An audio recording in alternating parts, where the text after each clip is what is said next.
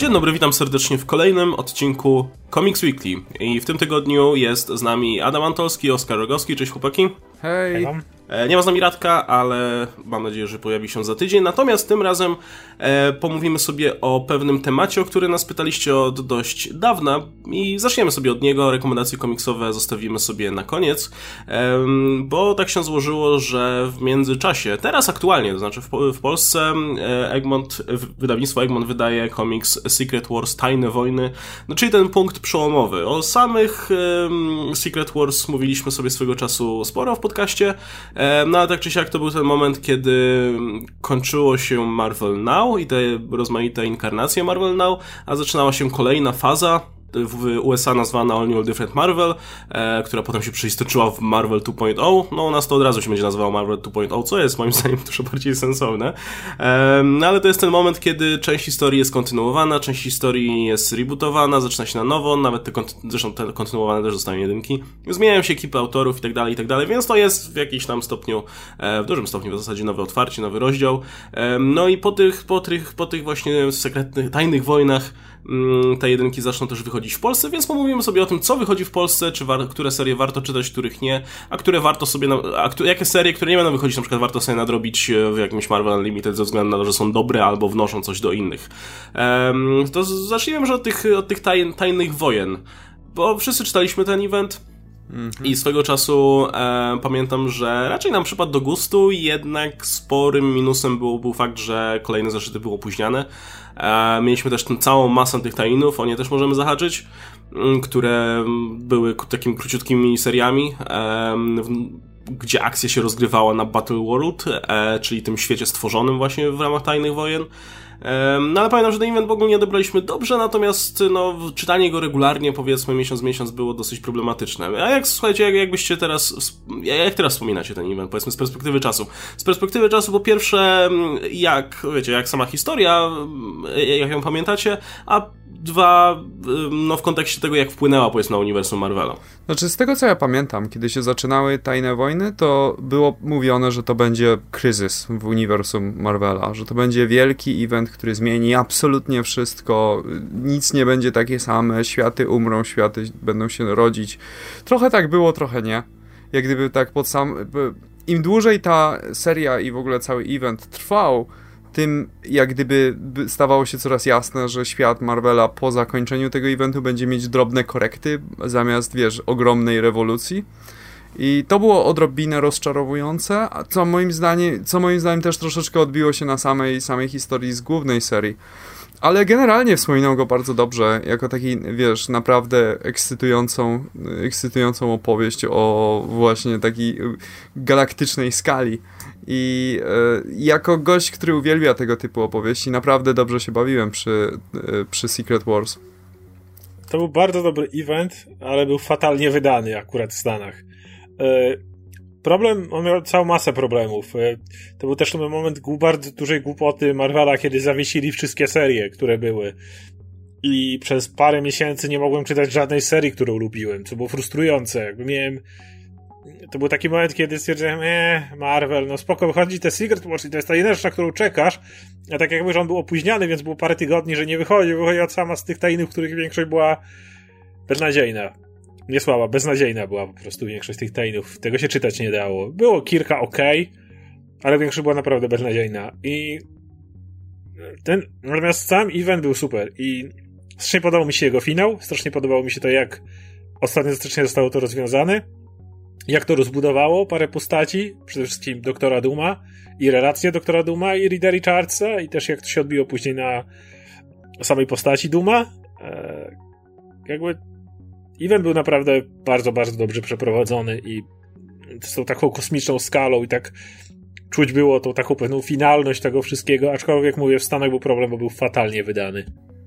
No ja miałem jeszcze, jeszcze wspomniałeś o tainach, ja ty tak dwa słowa tylko powiem. Ja miałem z tym taki problem, że y, to miało być różne alternatywne uniwersa Marvela, podczas gdy w rzeczywistości to często było po prostu e, komiksy, które pa dobrze pamiętasz z przeszłości Marvela jako niby alternatywna, alternatywny świat, co nie zawsze miało sens, jak w przypadku e, Civil War albo w przypadku e, House of M, czy to, bo to były po prostu etapy historii e, Marvela, nie osobne światy. I często Bardziej to what if, nie? Tak, i często to prowadziło do takich sytuacji, gdzie wiesz, sięgasz po jakiś komiks, który, który pamiętasz, bo go lubiłeś z przeszłości i spodziewasz się czegoś, ta, czegoś podobnego, jakiegoś na, mocnego nawiązania i dostajesz coś, co jest tak ostro naciągniętym, alternatywnym uniwersum, który bardzo luźno nawiązuje do oryginału. Civil War tak miałem, jak gdyby kompletnie inny klimat, kompletnie inne, inny setup, kompletnie, wiesz, postaci się zachowują inaczej. Jak tam to było wyjaśnione, że to jest konsekwencja Civil War, co by było, gdyby Civil War się dalej ciągnęło tam przez lata. Ale jak gdyby, jeżeli, jeżeli lubiłeś oryginał, to tutaj niewiele z tego znalazłeś. I niektóre z tych tajinów też tak na siłę próbowały udawać yy, styl oryginału, co też z E, e for Extinction mi się wydaje było, był taki problem, że po prostu to już to wyglądało jak taki chiński bootleg, a nie jako, nie jako jakaś nowa historia. To wyglądało po prostu tak, wiele, wiele z tych e, tajnów wyglądało w ten sposób, czy w ogóle tych światów, które tam zostały stworzone na potrzeby tego.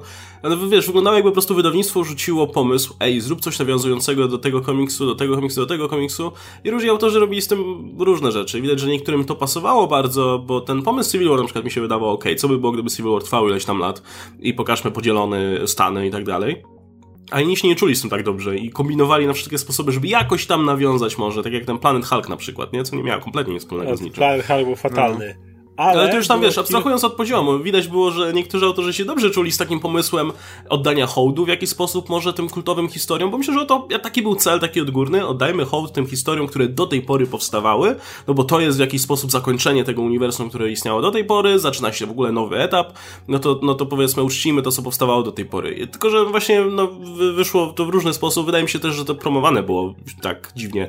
Pamiętacie, że wychodziły te takie e, okładki same, nie? Z, tylko z logo na przykład ta. Civil War 2. I się zastanawialiśmy, o co chodzi, co, co, co to w ogóle ma być. Ta, ta, ta. Mało A potem nagle dostawałeś nie... serię, która była czymś kompletnie innym, nie? No, no, no. Nawet mówili, że e, na przykład jak było Renew Your Vows, to e, było pytanie, o co chodzi. Mówi, jeżeli chcesz czytać Spidermana, to teraz to jest wasz komiks o Spidermanie, nie? To teraz to, no, no nie bardzo, to nie jest komiks Aczkolwiek mm, było kilka fajnych pomysłów w tych tajnach. Mój ulubiony osobiście to był z tego Deadly Hands of Kung Fu, e, bo były takie właśnie, jak, jak mówili, że tak luźno nawiązywali, że próbowali. Natomiast Deadly Hands of Kung Fu mi się podobało, bo to był jakby, to był prawdziwy Elseworld. To był prawdziwy, stojący na własnych nogach, e, co by było, gdyby świat Marvela był cały w klimatach kung fu. I tego typu pomysły mi się naprawdę podobały. Było ich dosyć mało, była ta cała policjatorów, to było dosyć śmieszne. E, było kilka takich, gdzie faktycznie ktoś się wykazał inicjatywą twórczą i faktycznie zrobił taki prawdziwy Ellsworth, gdzieś naprawdę ktoś sobie to rozpisał, zrobił własne zasady, jakoś to wszystko ugruntował i, i to było spoko, kiedy to y, nawiązywało tylko tak naprawdę powierzchownie. Natomiast kiedy tak jak mówicie, próbowali się tak silić, żeby to koniecznie gdzieś tam coś tego, no to, to, to w większości się tego czytać nie dało. Nie, no to ja, ja ogólnie bym powiedział, że tam było wśród tych tajnów parę takich rzeczy, które nawet jak nie były żadnym, żadną wybitną literaturą, no to były, były okej okay do poczytania. Właśnie, wiesz, jakby to wyszło sobie, bo to jest jeszcze ta kwestia, o której ty wspomniałeś, że nagle zamknięto inne serie, żeby to wypuszczać, więc to też jakby te, te pozycje miały e, no, gorszą pozycję startową. Ale tam było sporo takich rzeczy, które gdyby obok sobie wychodziły, powiedzmy, to ja bym przeczytał to i by było spoko, nie? Jakieś tam... Nie nie wiem, co tam było całkiem okej. Okay. Większość tych X-Menowych na przykład podeszła i to nie były wybitne rzeczy, już większość nawet nie pamiętam, ale pamiętam, że okej, okay, no przeczytałem trochę fajny hołd dla konkretnych tych eventów. Nie miałem nic przeciwko, gdyby na przykład przy jakiejś tam rocznicy wyjścia jakiejś historii publikowano takie rzeczy, jakiś alternatywny świat, gdzie historia czegoś takiego nawiązuje. No spoko, nie? Tylko, że no, wydawniczo to, to był błąd i dwa, że wydaje mi się, że gdyby dano autorom może więcej swobody po prostu i stwierdzono, albo nie wiem, gdyby autorzy sami mogli sobie wybierać te historie, o których faktycznie chcą napisać, ale wiadomo, to takie jest e, nie, raczej nierealne w tutaj warunkach wydawniczych, to, to by to wypadło znacznie lepiej. Um, natomiast, no, inna sprawa, że to też, to, to, zbędne jest to, że większość tak naprawdę nie wpływała w żaden sposób na, na sam event. E, I z jednej strony fajnie, bo nie musiałeś czytać tego wszystkiego, ale z drugiej strony, no po co, nie? Po, po co w ogóle wydawać historię, która, e, która sama z siebie nic kompletnie do eventu nie wnosiła, a, a, a hamowała to inne serie w tym czasie. Sama nie? też była zależna od tego eventu, dlatego że cały czas się pojawiali ci, wiesz, Thorzy i tak dalej, którzy cały czas były nawiązania do głównego. Czasami nawet trochę spoilowały event. No i więc, więc wiesz. Więc Wszyscy jeżeli to wyznawali duma, nie? Jeżeli to by było kompletnie oddzielone i po prostu losy, co się dzieje w, w alternatywnych uniwersach, to by było spoko. Zresztą było kilka serii, które mi się naprawdę podobały. Pamiętam X-Men 92, było naprawdę fajne. O, to prawda. No to się zresztą przerodziło w serię, nie? Większość no. tych widać, widać od razu, które się najbardziej spodobały, bo potem Marvel z tego zrobił serie regularne. E, i, albo pociągnął je w jakiś sposób dalej, nie? Z tym Old Man Loganem, który też będzie wychodził w Polsce mm -hmm. na mhm. czele. No, Renew Vows było właśnie. Y, y, teraz już zakończyło swój run, bo Spencer jakby coraz bardziej przywraca rzeczy, którym, za którymi ludzie tęsknili. Ale Renew Vows to był jednak ogromny sukces. Przecież to. Kurde, no ile tak, to trwało tak. po tym, kiedy się pojawiło. Przecież to trwało i trwało i trwało po, po tym. Bo to było coś, czego y, na tym etapie fani Spidermana potrzebowali bardzo. To był taki alternatywa, którą zresztą my po, potem jeszcze długi czas nawet Comics Weekly tak chwalaliśmy tą kontynuację jakby Renew Your Vows. Tak, tak. A to było naprawdę długie, więc y, no tak jak mówisz, część się przyjęła. Ja troszeczkę miałem ból dupy, jeśli chodzi o Renew Your Vows, dlatego że ja pamiętam, że Dan Slot na Twitterze puścił okładkę pierwszego zeszytu z taki, i taki to był po prostu mic drop, takie macie, kurwa. I wiesz, y, i po prostu pokazuje tą okładkę, gdzie się, gdzie wiesz, gdzie jest ślub i tak dalej i wszyscy tak, wow, cofają One More Day, do, to jest w ogóle no. motyw, no. ciągnący się to, motyw Dana To się zdarzało. Tak, i wiesz, i nie było jasne, do, nie, nie, te, te, komiksy nie były do końca przystępne, jak gdyby, dlatego, że nie, nie były, jeżeli po prostu byś wszedł do sklepu komiksowego i sięgnął po, po jeden z nich, to mógłbyś mieć problem z połapaniem, co się dzieje, właśnie przez to, że one tak bardzo były zależne od głównego eventu, podczas gdy główny event miał całą resztę tajną w dupie. Więc to nie było zbyt zgrabnie powiązane, ani do końca dobrze marketingowane, moim zdaniem. E, to jeszcze gwoli ścisłości, jak już mówimy o wydawaniu tego w Polsce, to dodam, że w Polsce już te tajny do Secret Wars, do tajnych wojen, nie mogę się przyzwyczaić, tajne wojny, To, to słowo tajne mnie jakoś wybija, zbija z tropu. Wracając, y, w Polsce wyszły, wyszło właśnie to, o czym mówiliście, Renew Your Vows, odnowić śluby. Wyszły tajne, tajne wojny Deadpoola. E, to, to jest oczywista sprawa, że to wyjdzie. Zresztą to było też takie oddzielne trochę, więc nie, nie, To, to jedna rzecz, która nie była kompletnie zależna od eventu, o tym... No. E, bo tutaj Deadpool się raczej wracał do tych poprzednich sekretnych wojen, tak. więc jak najbardziej to, to, to się nadaje do wydawania. E, no była ta seria Thor, Thorowie, no to, która jest w miarę powiązana, czy całkiem mocno powiązana powiedzmy z głównym eventem, więc to też miało sens, e, że zostało to wydane. E, poza tym, e, co tam jeszcze? Aha, no... Tajne wojny, wojna tak. domowa. Tak, tak, okej. Okay. Widzę, widzę. Tajne wojny, wojna domowa. Poza tym jeszcze Siege, czyli o, oblężenie, który był bardzo, bardzo, bardzo takim sobie komiksem, ale też był jakoś tam powiązany z... Najmocniej powiązany z głównym, ale był hmm. absolutnie fatalny jednocześnie. W sensie więc... w, pewien e, wątek z głównego eventu pod koniec powiedzmy jest wyjaśniony, czy raczej jest pokazana jego geneza tutaj, ale no...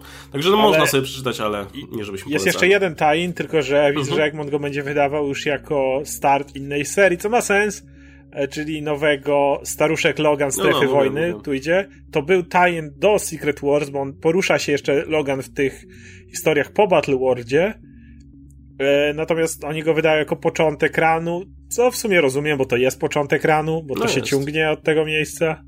No i e, wydaje mi się, że znacznie lepiej będzie to czytać po, bo początek jest, e, początek jest w ogóle niezwiązany, jakby Logan tam robi swoje rzeczy i dobrze wtedy już wiedzieć, czym są e, tajne wojny, no bo wiesz, czemu Logan się tutaj znalazł, co się dzieje, skąd on się wziął tutaj tak. z powrotem.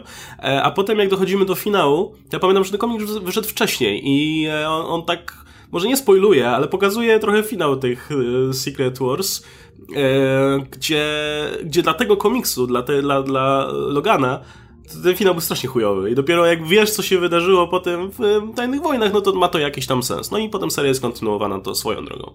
On był chyba powiązany jeszcze z tymi Ultimates, czy jak się nazywało, to było dopiero gówno niezłe. E, ten... A, a, Ultimates? Tak, tak, tak, bo to było to zakończenie świata Ultimate. Jak, a, Ultimate, a to nie, to Ultimate End to się nazywało. Ultimate End, tak. I tam właśnie Logan trafia i jakby on przez to jakby przechodzi ale tego nie trzeba czytać i tego nie warto I lepiej czytać. tego nie czytać właśnie. I to zakończenie, jak, jak, jak masz te kadry z tych postaci, one coś gadają i nagle coraz mniej jest tych kadrów i to było takie niby głębokie, a to tak beznadziejnie było po prostu zrobione. I są kadry, które były twarzami postaci i na następnej stronie te kolejne kadry z inną mimiką postaci, ale część już jest biała. No. Jakby, jakby ktoś chciał, powiedzmy, miał, ma Marvel Unlimited i zastanawiał, co jeszcze z tego warto przeczytać, to ja bym powiedział, jak masz sentyment do jakiejś historii typu Civil War, typu, nie wiem, e, e, właśnie Ace for Extinction i tak dalej, to przeczytaj coś, co nawiązuje do tego i już. No jakby wtedy to ma jakiś tam sens i tyle. No ja, ja, polecam Deadly Hands of Kung Fu, które nie są nawiązaniem do niczego, ale ja uwielbiam takie powalone klimaty, gdzie jest turniej, oto kto ma być liderem i Shang-Chi jest pijanym mistrzem, który wyrzekł się walki, ale i jest tam teraz menelem, ale, ale dalej walczy i zbiera swoją własną szkołę. I w ogóle wszyscy bohaterowie są przebieni, że jest szkoła stylu pająka, szkoła stylu pantery. W ogóle to jest wszystko zrobione, cały świat kung fu i tam jest na przykład e, tajemniczy zabójczyni w kapturze, jakiś tam Red Sai się nazywa, no to jest Elektra. Albo jest na przykład gość, który chodzi i zapowiada wszystkich mistrzów, którzy wchodzą jest tutaj heroldem, no i nazywa się Norin Rad. I jest takim gościem, który chodzi tylko ogłasza ludzi. Jest cała masa tego typu odniesień. To tak podobało. Lu lubię takie, bo to jest prawdziwy Ellsworth. To w ogóle nie musisz wiedzieć, że jest jakiś Doom, to nie ma znaczenia jakby. To jest historia pijanego mistrza w klimatach właśnie kung fu z użyciem elementów Marvela. Ja tak patrzę, czy Egmont będzie dalej Guardians of the Galaxy wydawał, ale nie widzę na tej liście. E, bo gdyby wydawał, to bym odradził e, i bym powiedział, hej, przeczytajcie sobie Guardians of Nowhere, tą historyjkę Bendisa właśnie z no, ten Tain. Bo, bo tam pięknie widać, czym, czym stanie się ta seria i jak bardzo będzie, nie, nie jak, jak, bardzo będzie się nie nadawało do czytania. Ale, Ale widzę, że Egmont, to. Egmont to trochę zmądrzał, więc spoko. Choć seria Bendisa jest powtórzeniem dokładnie kropka w kropkę jego miniserii e, Guardians of Nowhere, tylko rozciągnie, to, to, to samo, masz jednego gościa, którego rozwalają, on znika i potem rozwalają kolejnego gościa, czy tam panienkę. Jest dokładnie to samo. Jest identyczne. Okay. Tylko, że tutaj Bendis to mieści w pięciu zeszytach, a tam, nie wiem, 28 tysiącach zeszytów. Tak mam, miałem wrażenie, że to tyle trwało, jak to czytałem. Więc e, to jest, to jest to samo. Okej. Okay. Ja byłem zaskoczony, że Egmont się nie zdecydował wydać właśnie X-Men 92, biorąc pod uwagę, jak popularna animacja była w Polsce. No, no, to prawda. I sama seria, wiesz, była naprawdę świetna. Tak, więc... potem można by, wiesz, zobaczyć, czy ten tomik się sprzedał i ewentualnie pomyśleć o wydawaniu też regularnej serii X-Men 92, która swego czasu całkiem też się nieźle sprzedawała w USA, ale potem ponoć się zrobiła słaba i sprzedaż spadła. No to możesz wtedy przestać wydawanie A... po polsku. No właśnie.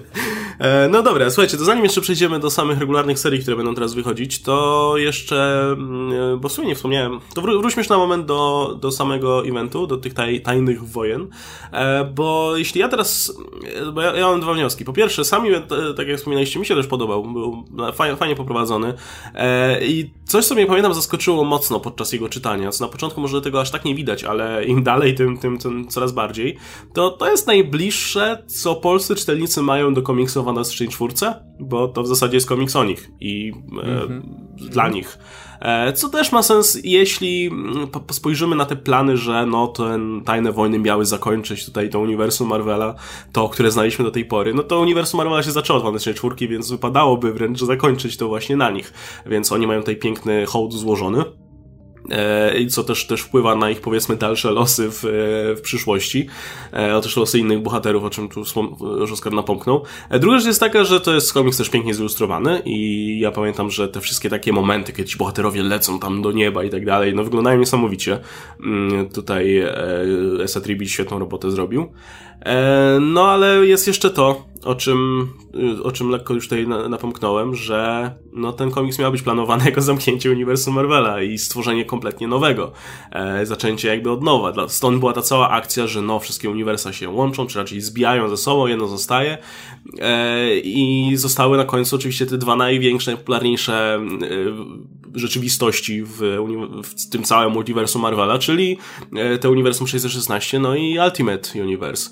E, no i było oczywiście Potem mamy te plansze, że tam no, Uniwersum Marvela 1961, 2000, nie wiem, który to był, 15, 16, 15 chyba. Um, I tak samo Ultimate Universe. I tak, i, i, i, tylko, że to było spoko wtedy. I myślę, kurczę, ładny, ładny send-off, no, no to zobaczymy, co teraz zrobią. To potem się okazało, no dzisiaj już wiemy doskonale, że no nie, jakby skończyły się Tajne Wojny, Uniwersum trwa tak jak trwało, tylko, że no nie ma już Ultimate Universe i to, to jakby tyle.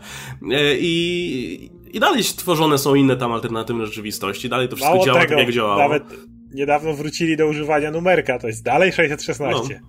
Co więcej, e, znaczy in, jedyne co się zmieniło tak naprawdę, to to, że parę elementów Ultimate Universe przeszło sobie do naszego świata. Co na początku wydawało mi się spoko pomysłem, no bo lubię Milesa, lubię Makera i tak dalej. Fajnie, że teraz są w tym głównym świecie, więc będą z nimi robić rzeczy jakieś. No i robią, jakby nie patrzeć. No Maker się pojawia tu i, tu i tam co chwilę, Miles ma swoje serie. Ale powiem szczerze, że z perspektywy czasu wolałbym, żeby oni po prostu zostali w Ultimate Universe i żeby tamta linia była dalej prowadzona. Po prostu zostawić te najpopularniejsze tytuły i co jakiś czas kombinować z jakimś nowym, bo nie widzę za bardzo żadnych profitów z tego, że uniwersum Ultimate zniknęło i, i, tyle. Bo te postacie aż tak nie wniosły nic. Jakby nie było, jakby nie było Milesa w tym głównym uniwersum, albo jakby nie było Makera, to, to, to szczerze powiedziawszy, to dużo by się nie zmieniło, no mówmy się. Tak samo. Wiesz co, ja mogę ja ci odbić piłkę mhm. tutaj. Jaki jest sens w kontynuowaniu Ultimate Universe, jeżeli masz, jeżeli masz, wiesz, dwie czy trzy postacie, które są wartościowe i cała reszta to była praktycznie. No to jest wiesz... dokładnie taki sens, jak w, dlaczego mamy Spider-Gwen na przykład która ma swoje własne uniwersum i niekoniecznie trzeba, wiesz, ją przerzucać do naszego. E, tak, ale równocześnie możesz, równocześnie możesz jak gdyby tworzyć relacje tych kilku postaci, które mają znaczenie z Ultimate Universe, z postaciami, które, których ludzie, który, które są ważne i których ludzie obchodzą. Więc wiesz, no. Ale jest też duża różnica, bo Ultimate miało już swoją długą historię i swój, jakby już stało na pewnych ugruntowanych zasadach, których mniej lub bardziej trzeba się trzymać i których już za bardzo niektórych rzeczy nie można robić.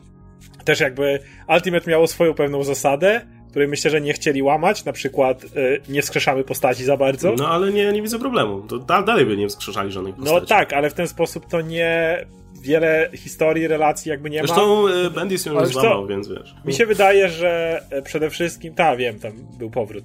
E, natomiast e, wydaje mi się, że to nie było de facto po to, żeby e, to jakoś przerzucić, żeby coś wynieść. To była to jedyna opcja, żeby niejako uratować te postaci. No, wydaje, mi się, że, wydaje mi się, że one by poszły do kosza, gdyby nie to. Miles i tak nie ma obecnie swojej serii, miał przerwę jakby w swojej serii. I wydaje mi się, że to był sposób, żeby jakby przenieść. Gwen jest w trochę innej sytuacji, bo jakby jeżeli ktoś chce czytać Spider-Gwen, to Spider-Gwen ma zamknięte swoje uniwersum własne. Jakby wszystko o Spider-Gwen jest Spider-Gwen. Z Milesem nie do końca tak jest.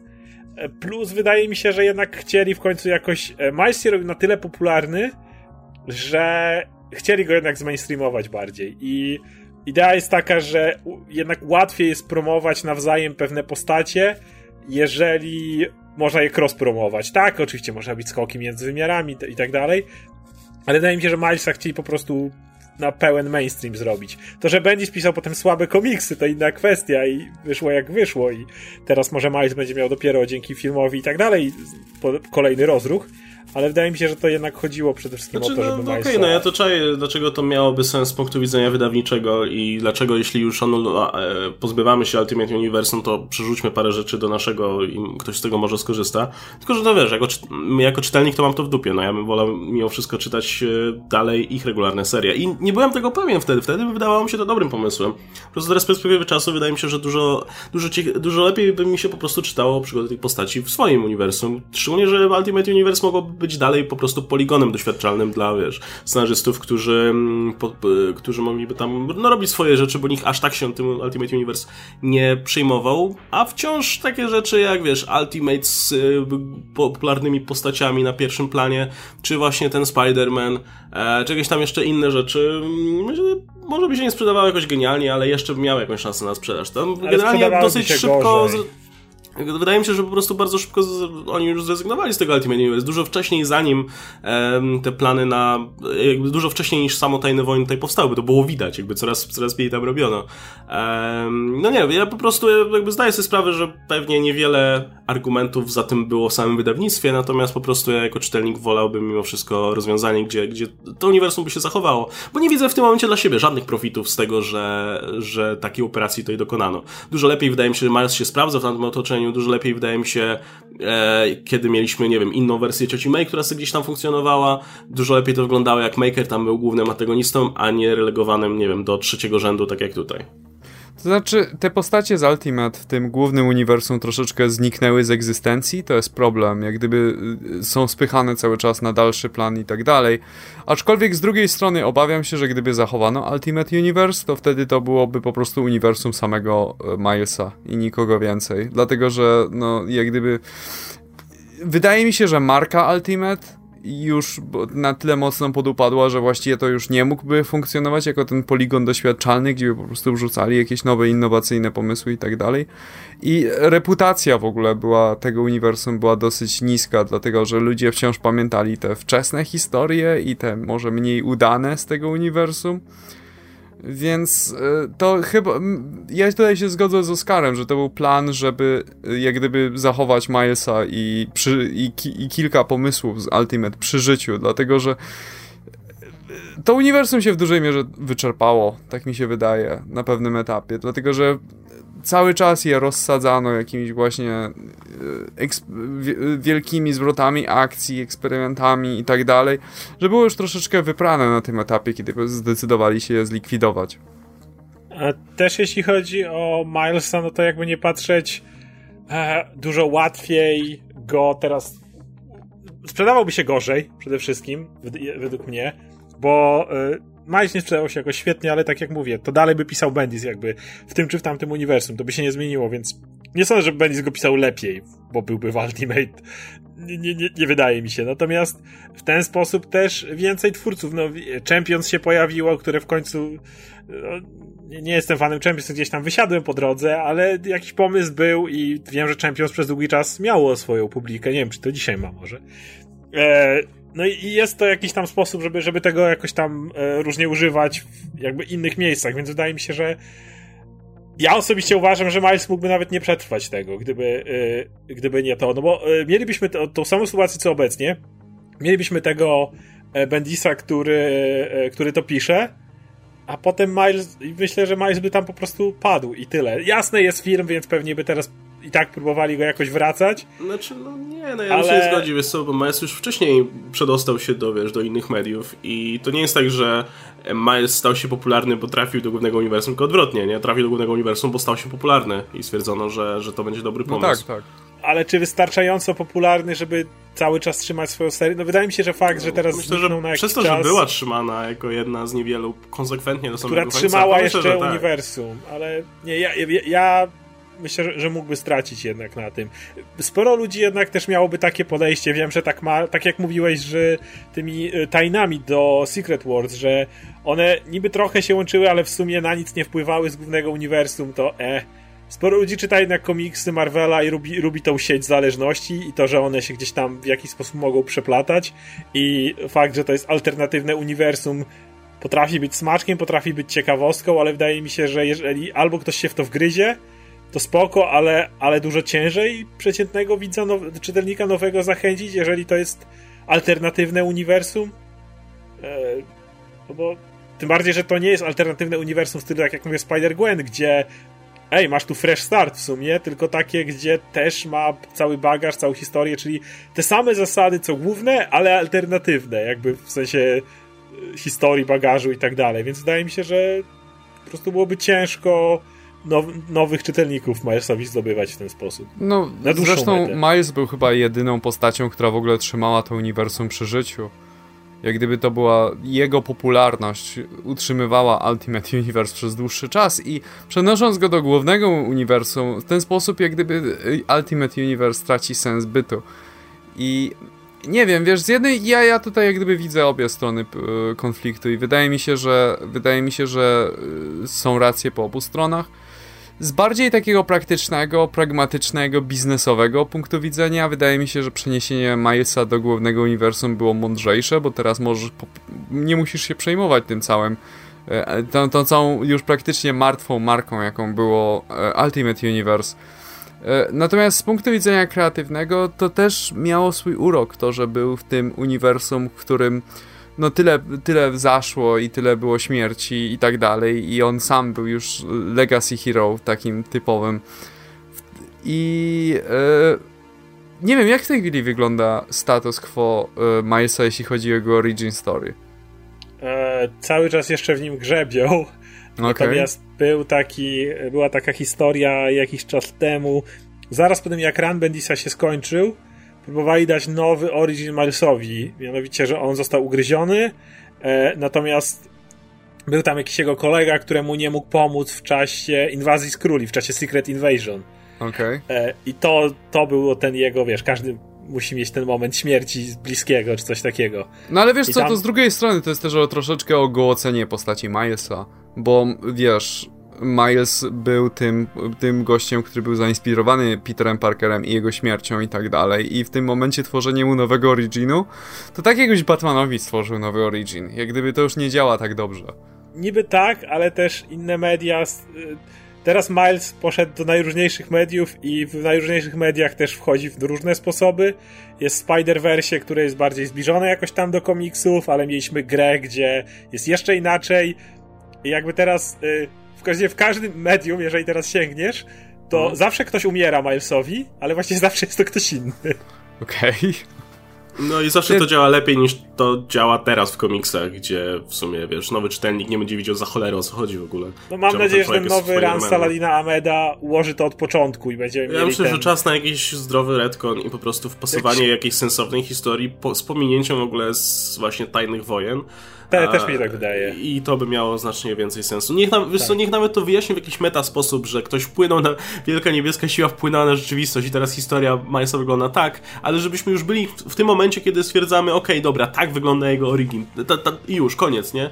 E, już nie, nie, nie, musimy tłumaczyć nikomu, a bo on kiedyś był w innym uniwersum, ale potem było Secret tak, Wars tak, i tak, tak dalej, i tak dalej, bo to jest Bendis to... to niepotrzebnie ciągnął, jeszcze potem miał no. swoją serię Spiders-Man, gdzie w sumie y, olał wszystko, jak to Bendis miał w zwyczaju. Olał to, że, do, że już, już bardzo próbowali Milesa wstawić, już inni autorzy próbowali Milesa już wstawić jako on tutaj jest od początku, że on już to w sumie już nikt nie pamięta tych Secret że on jest tutaj cały czas.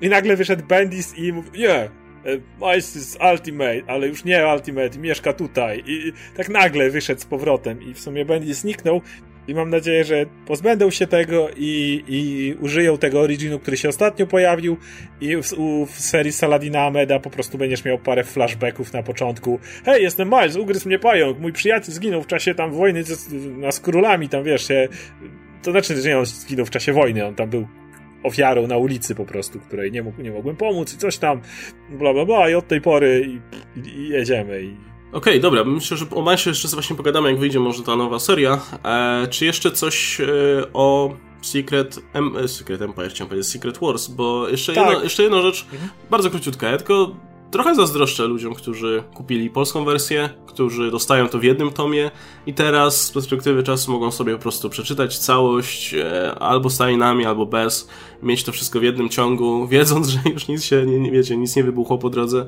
e, bo myślę, że ta historia, du, du, tę historię się dużo, tę historię konkretną się czyta znacznie lepiej w takiej formie. E, tak, no może przejdźmy sobie po tych tajnach, które wychodzą w Polsce i powiedzmy, czy one są czegoś warte, czy nie. E, więc pierwszy jest właśnie e, Tajne Wojny Amazing Spider-Man odnowić śluby. No my to rekomendowaliśmy z Adamem. Jak ktoś tęskni za Peterem, który nie, któremu nie cofnięto życia, co teraz dopiero dzisiaj w komiksach Spencer odkręca, co zajęło to znaczy, lat. szczerze mówiąc, y, ta późniejsza seria moim zdaniem jest lepsza, dużo jest lepsza. dużo lepsza, bo nie pisze Idan Slot, ale, e, a, ale no to jest jakiś tam wstęp do tego, jest jakiś początek i, i to jest okej. Okay. To, to, to jest to było, to było coś, czego fani Spidermana potrzebowali. Jest jeden aspekt uh, Renew Vows tego z, uh, z Secret Wars, który jest dobry i warty do dzisiaj i to jest po prostu to, że wracamy do związku Mary Jane i Spidermana i tylko tyle. Jak gdyby, jeżeli popatrzysz na historię jako całą, to jest... Jak się nazywał ten złoczyńca? A, Regent. Regent. Jest Regent, który jest, wiesz, takim maksymalnie, moim zdaniem, stereotypowym, jednowymiarową postacią, Oczywiście. która ma, wiesz, yy, która chce zawładnąć światem i się jej to w dużej mierze udaje, ale Jak gdyby nie ma większej, większej głębi za jego motywacją, ani nic w tym stylu, po prostu ej, jest zły. No chce e. Duma rozwalić. No. E. Okej. Okay. No, wydaje mi się, że pierwszy zeszyt jest bardzo fajny, bo on jakby aż tak się tego nie tyczy. Jest ten motyw z Venomem i ten to e, jak daleko Spider-Man jest w stanie się posunąć E, żeby chronić swoją rodzinę, kiedy, kiedy wcześniej tego by nie mógł pewnych rzeczy robić i tutaj robi pewne rzeczy. Ale tak, no jasne, to jest, to jest jeżeli Egmont będzie to kontynuował, to to jest dobry wstęp, bo, bo, bo da, dalej jest dużo lepiej, tak jak ty mówiłeś. Ja czytałem to do końca i, i rozwój i nawet to jak potem ta Eni staje się starsza i jest nastolatką, to, to jest naprawdę fajny rozwój. E, Deadpool, Tajne Wojny Deadpoola mnie nie śmieszyły, szczerze mówiąc. No to jest typowy, Czytał... typowa miniseria Deadpoola, Kalena Bana, których były setki, więc jak ktoś lubił wszystkie poprzednie, to i ta będzie ok, a jak nie, no to nie. To jest e... fajna seria, mhm. którą możesz sobie poczytać, czytając równocześnie oryginał Secret Wars i po prostu kartkując jeden w jeden, do czego się odnosi i do czego ale jako sama z siebie moim zdaniem się w ogóle nie trzyma. Jakby nie jest, nie jest taka znowu śmieszna, nie jest taka znowu e, ciekawa i tak dalej. Jeżeli ktoś albo zna na wylot oryginał, albo po prostu sobie rozłoży dwa komiksy przed sobą. I ja tak czytałem. To, to, to jest. To, to samo to wyłapywanie odniesień i tak dalej już samo z siebie moim zdaniem jest warte do tego do pewnego stopnia. Jeśli lubisz coś takiego. To znaczy, jeden plus był taki, że ta seria fajnie pokazywała, jakim bajzem było Secret Wars. Bo pierwsze Secret Wars zostało napisane na kolanie. Jakby to było wszystko, no, pospieszmy się z tym eventem, bo DC robi duży event, to my też robimy duży event, jeszcze zabawki sprzedamy. I na przykład ten moment, kiedy nagle e, Charles Xavier jest narysowany na wózku, chociaż już w tym czasie w komiksach chodził, i mhm. tutaj jest ten, ten bullshitowe wytłumaczenie właśnie tutaj, że o, Beyonder musiał obserwować nas świat od dawna, pewnie przeniósł mnie w takim stanie, jakim mnie widział. I Deadpool mówi, ta, bardzo wygodne wytłumaczenie, nie? Jeżeli właśnie masz jakiekolwiek odniesienie do normalnych Secret Wars i tak jak mówisz, jest parę podkreślenie tych takich głupotek, które tego, tego bajzu tak. tam, natomiast na własnych nogach ten komiks nie stoi w ogóle, ale to w ogóle. Nie, nie będzie śmieszny w żadnym wypadku. Nie, ale mówię, że ktoś lubi tego typu... E, Tajne Wojny Torowie to było spoko, ale tylko w kontekście głównego eventu. To tak... No, mnie to serio rozczarowało, bo końcu był fajny. Zbierzmy wszystkich Thorów, zróbmy z nich policję tego całego Battle Worldu. Końcówka była słaba. Dajmy im, dajmy im śledztwo. I jeszcze Jason Aaron to pisał, który wtedy też robił dobre rzeczy z Torem. E, ale, ale właśnie to było takie. Okej, okay, to nie miał finału, nic takiego. To do niczego nie doprowadziło, kompletnie do niczego. No. E, Tajne wojny, wojna domowa, e, to jest akurat całkiem. Mi się podobało. Dla mnie to był całkiem fajny twist na Civil War i pomysł tego podziału Stanów na dwa różne, dwie różne strefy. Jakby taka, taka wariacja, co by było, gdyby Civil War potrwało z tym, że to było, podobało. Z tym, że to, wiesz, yy, klimatycznie to było bardzo oddalone od oryginału. I jak gdyby to może mi troszeczkę... Tro, to może bardzo to, dobrze, może... że było. Tak, ale wiesz, ja, ja też myślę o tym na tym, że te serie były robione pod fanów poszczególnych historii i nie jestem pewien, czy to właśnie Civil War jak gdyby dotykało w jakiekolwiek nuty, które, yy, które, które były w oryginale i nie wiem, no mi, mi, to, mi to troszeczkę śmierdziało bullshitem. Jak gdyby na siłę próbowali robić Civil War i, i, i, i masz ten postapokaliptyczny świat i tak dalej. I nie a, wiem. A mi się podobało. Też się podobało. Mi się podobało. Okay. Znaczy, ja nawet kupuję to, że to miało taki cięższy, poważniejszy trochę ton, e, bo... Znaczy, no, to nawet nie jest no, to, że mi się nie podobało, po prostu mam ambiwalentne uczucia. Nie, ja, ja to kupuję, no bo wiesz, jeśli ten konflikt się ciągnął tyle lat, no to wiadomo, że wszyscy są trochę na, na, na wyczerpaniu, ale też nie, bawiło mnie to, co zwykle mnie powinno bawić w tego typu zabawach, to, że pokazano trochę inne wersje tych postaci, które znamy, co by było, gdyby? w trochę innych rolach i tak dalej, no, no i to było spoko, też nie, też nie twierdzę, że to jest jakiś wybitny komiks, a na pewno jest lepszy niż oryginalny Civil War, więc to jest zawsze plus. To nie jest, wiesz, duża poprzeczka. No nie, ale, ale zawsze coś. Tajne wojny, oblężenie, według mnie paździerz kompletny. No ale tam, tam mi się akurat oprawa podobała, ja lubię Felipe mhm. Andrade, więc spoko, to jest jedyny plus, jaki tam znalazłem. No i A jeśli zastanawiacie się, o, to jest, jak ktoś się zastanawia, e, czy, co się stało z Benem Grimmem, no to hej, macie wyjaśnienie. Tak, e, i staruszek Logan, e, to już jest jakby wstęp, oni to wydają nie jako Secret Wars, ale to jest Secret Wars. Czy to, to też e, ilustrował Sorrentino, czy Sorrentino tak. dopiero ilustrował? Tak, też. Co, co, co? Też, też. Te, no to dla samej oprawy już, to, to, to, dla samych rysunków to, to, to kupić. A, ale no jest to początek dłuższej serii, która nie czytałem jej później, jak się zmienił e, Lemir na Brissona. Tam jeszcze po drodze było kilku scenarzystów tam przejściowo, ale potem złapał Brisson. Brissona już nie czytałem, ale ta Lemira seria była naprawdę dobra. Mi się ona naprawdę podobała. A że za prawie całą stał oprawą Sorrentino, to już dla tego powodu warto to zbierać. No nie, on się, on się fajnie tym bawił. I ja, ja już wcześniej odpadłem trochę, ale chyba gdzieś dopiero na trzecim tomie coś takiego i to mi się trochę zlewa, bo te przygody Logana to jest zawsze e, ten zmordowany, po prostu styrany życiem Logan, który musi wyjaśnić tutaj tajemnicę, coś tam zawsze, zawsze kogoś goni, zawsze po prostu jest, jest w pogoni za kimś i, i tak dalej. I to się nie zmienia praktycznie cały czas. Ale przez to właśnie jaki klimat udało się i Lemirowi i, i Andrei Sorrentino tutaj e, zrobić, no to, to, to, się, to się całkiem fajnie czytało. Tylko, że mówię, no, mnie, mnie to zmęczyło, bo to miało trochę cały czas podobny, taki bardzo przytłaczający ton przez bardzo konsekwentnie. E... Ale jeśli komuś to podchodzi, no to myślę, że się nie zawiedzi. Może też, może nie tylko sprawdzić ten pierwszy, ale, ale też śmiało kupować mm, kolejne.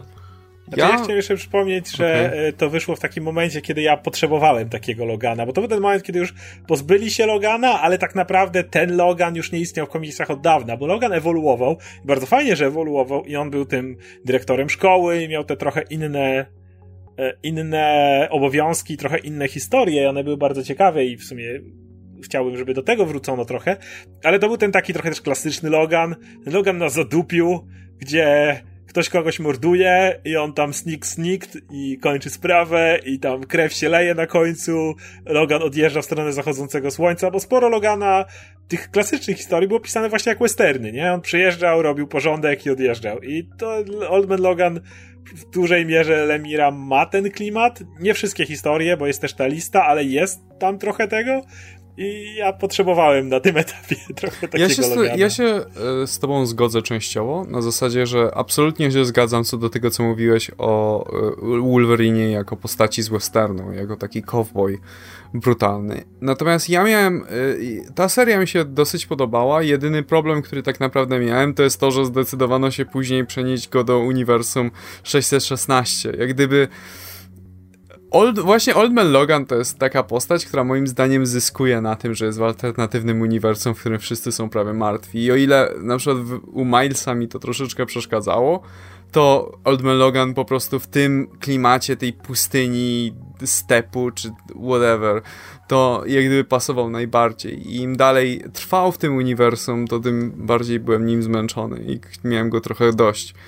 E równocześnie, wiesz, to jest taki dziwny, to był, to jest, ja w tej chwili nawet nie mówię o komiksie, tylko mówię o decyzji redak redakcyjnej. To był taki dziwny sposób na cofnięcie Wolverina w rozwoju, dlatego że po prostu tego Wolverina, który się rozwinął, który miał, e, który się zmienił, który miał jakiś, wiesz, sensowny charakter arc, to, to po prostu zaoraliśmy i wsadzamy w jego miejsce, kurde, postać z alternatywnego uniwersum, który jest postarzałą wersją tego klasycznego Wolverina. I z tego względu to ja po prostu, ja troszeczkę przez to mam troszeczkę uprzedzenia do Old Man Logana, tego z Secret Wars, dlatego że wiem do czego to prowadzi. I teraz mi się to mniej przyjemnie czyta, natomiast Sorrentino jest fantastyczny w tym.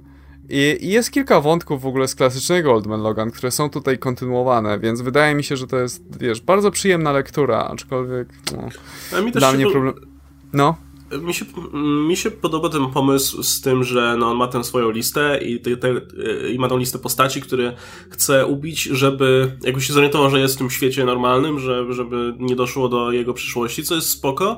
Tylko, że ja myślę, na tym już ten pomysł się trochę kończy, więc ja bym to nawet bardziej widział e, jako serię Old Man Logana, która się normalnie dzieje na jego świecie, ale na, nie wiem, jeden czy dwa story mógłby trafić do tego oryginalnego światła, świata, a potem się go pozbyć. Tak jak to, zresztą Old Man Logan oryginalnie też przecież powstał jako część regularnej serii z Wolverine. Po prostu nagle, hej, przenieśmy się w przyszłość, zobaczmy Ale sobie. de facto ta jego seria jest taka, póki pisze ją Lemir.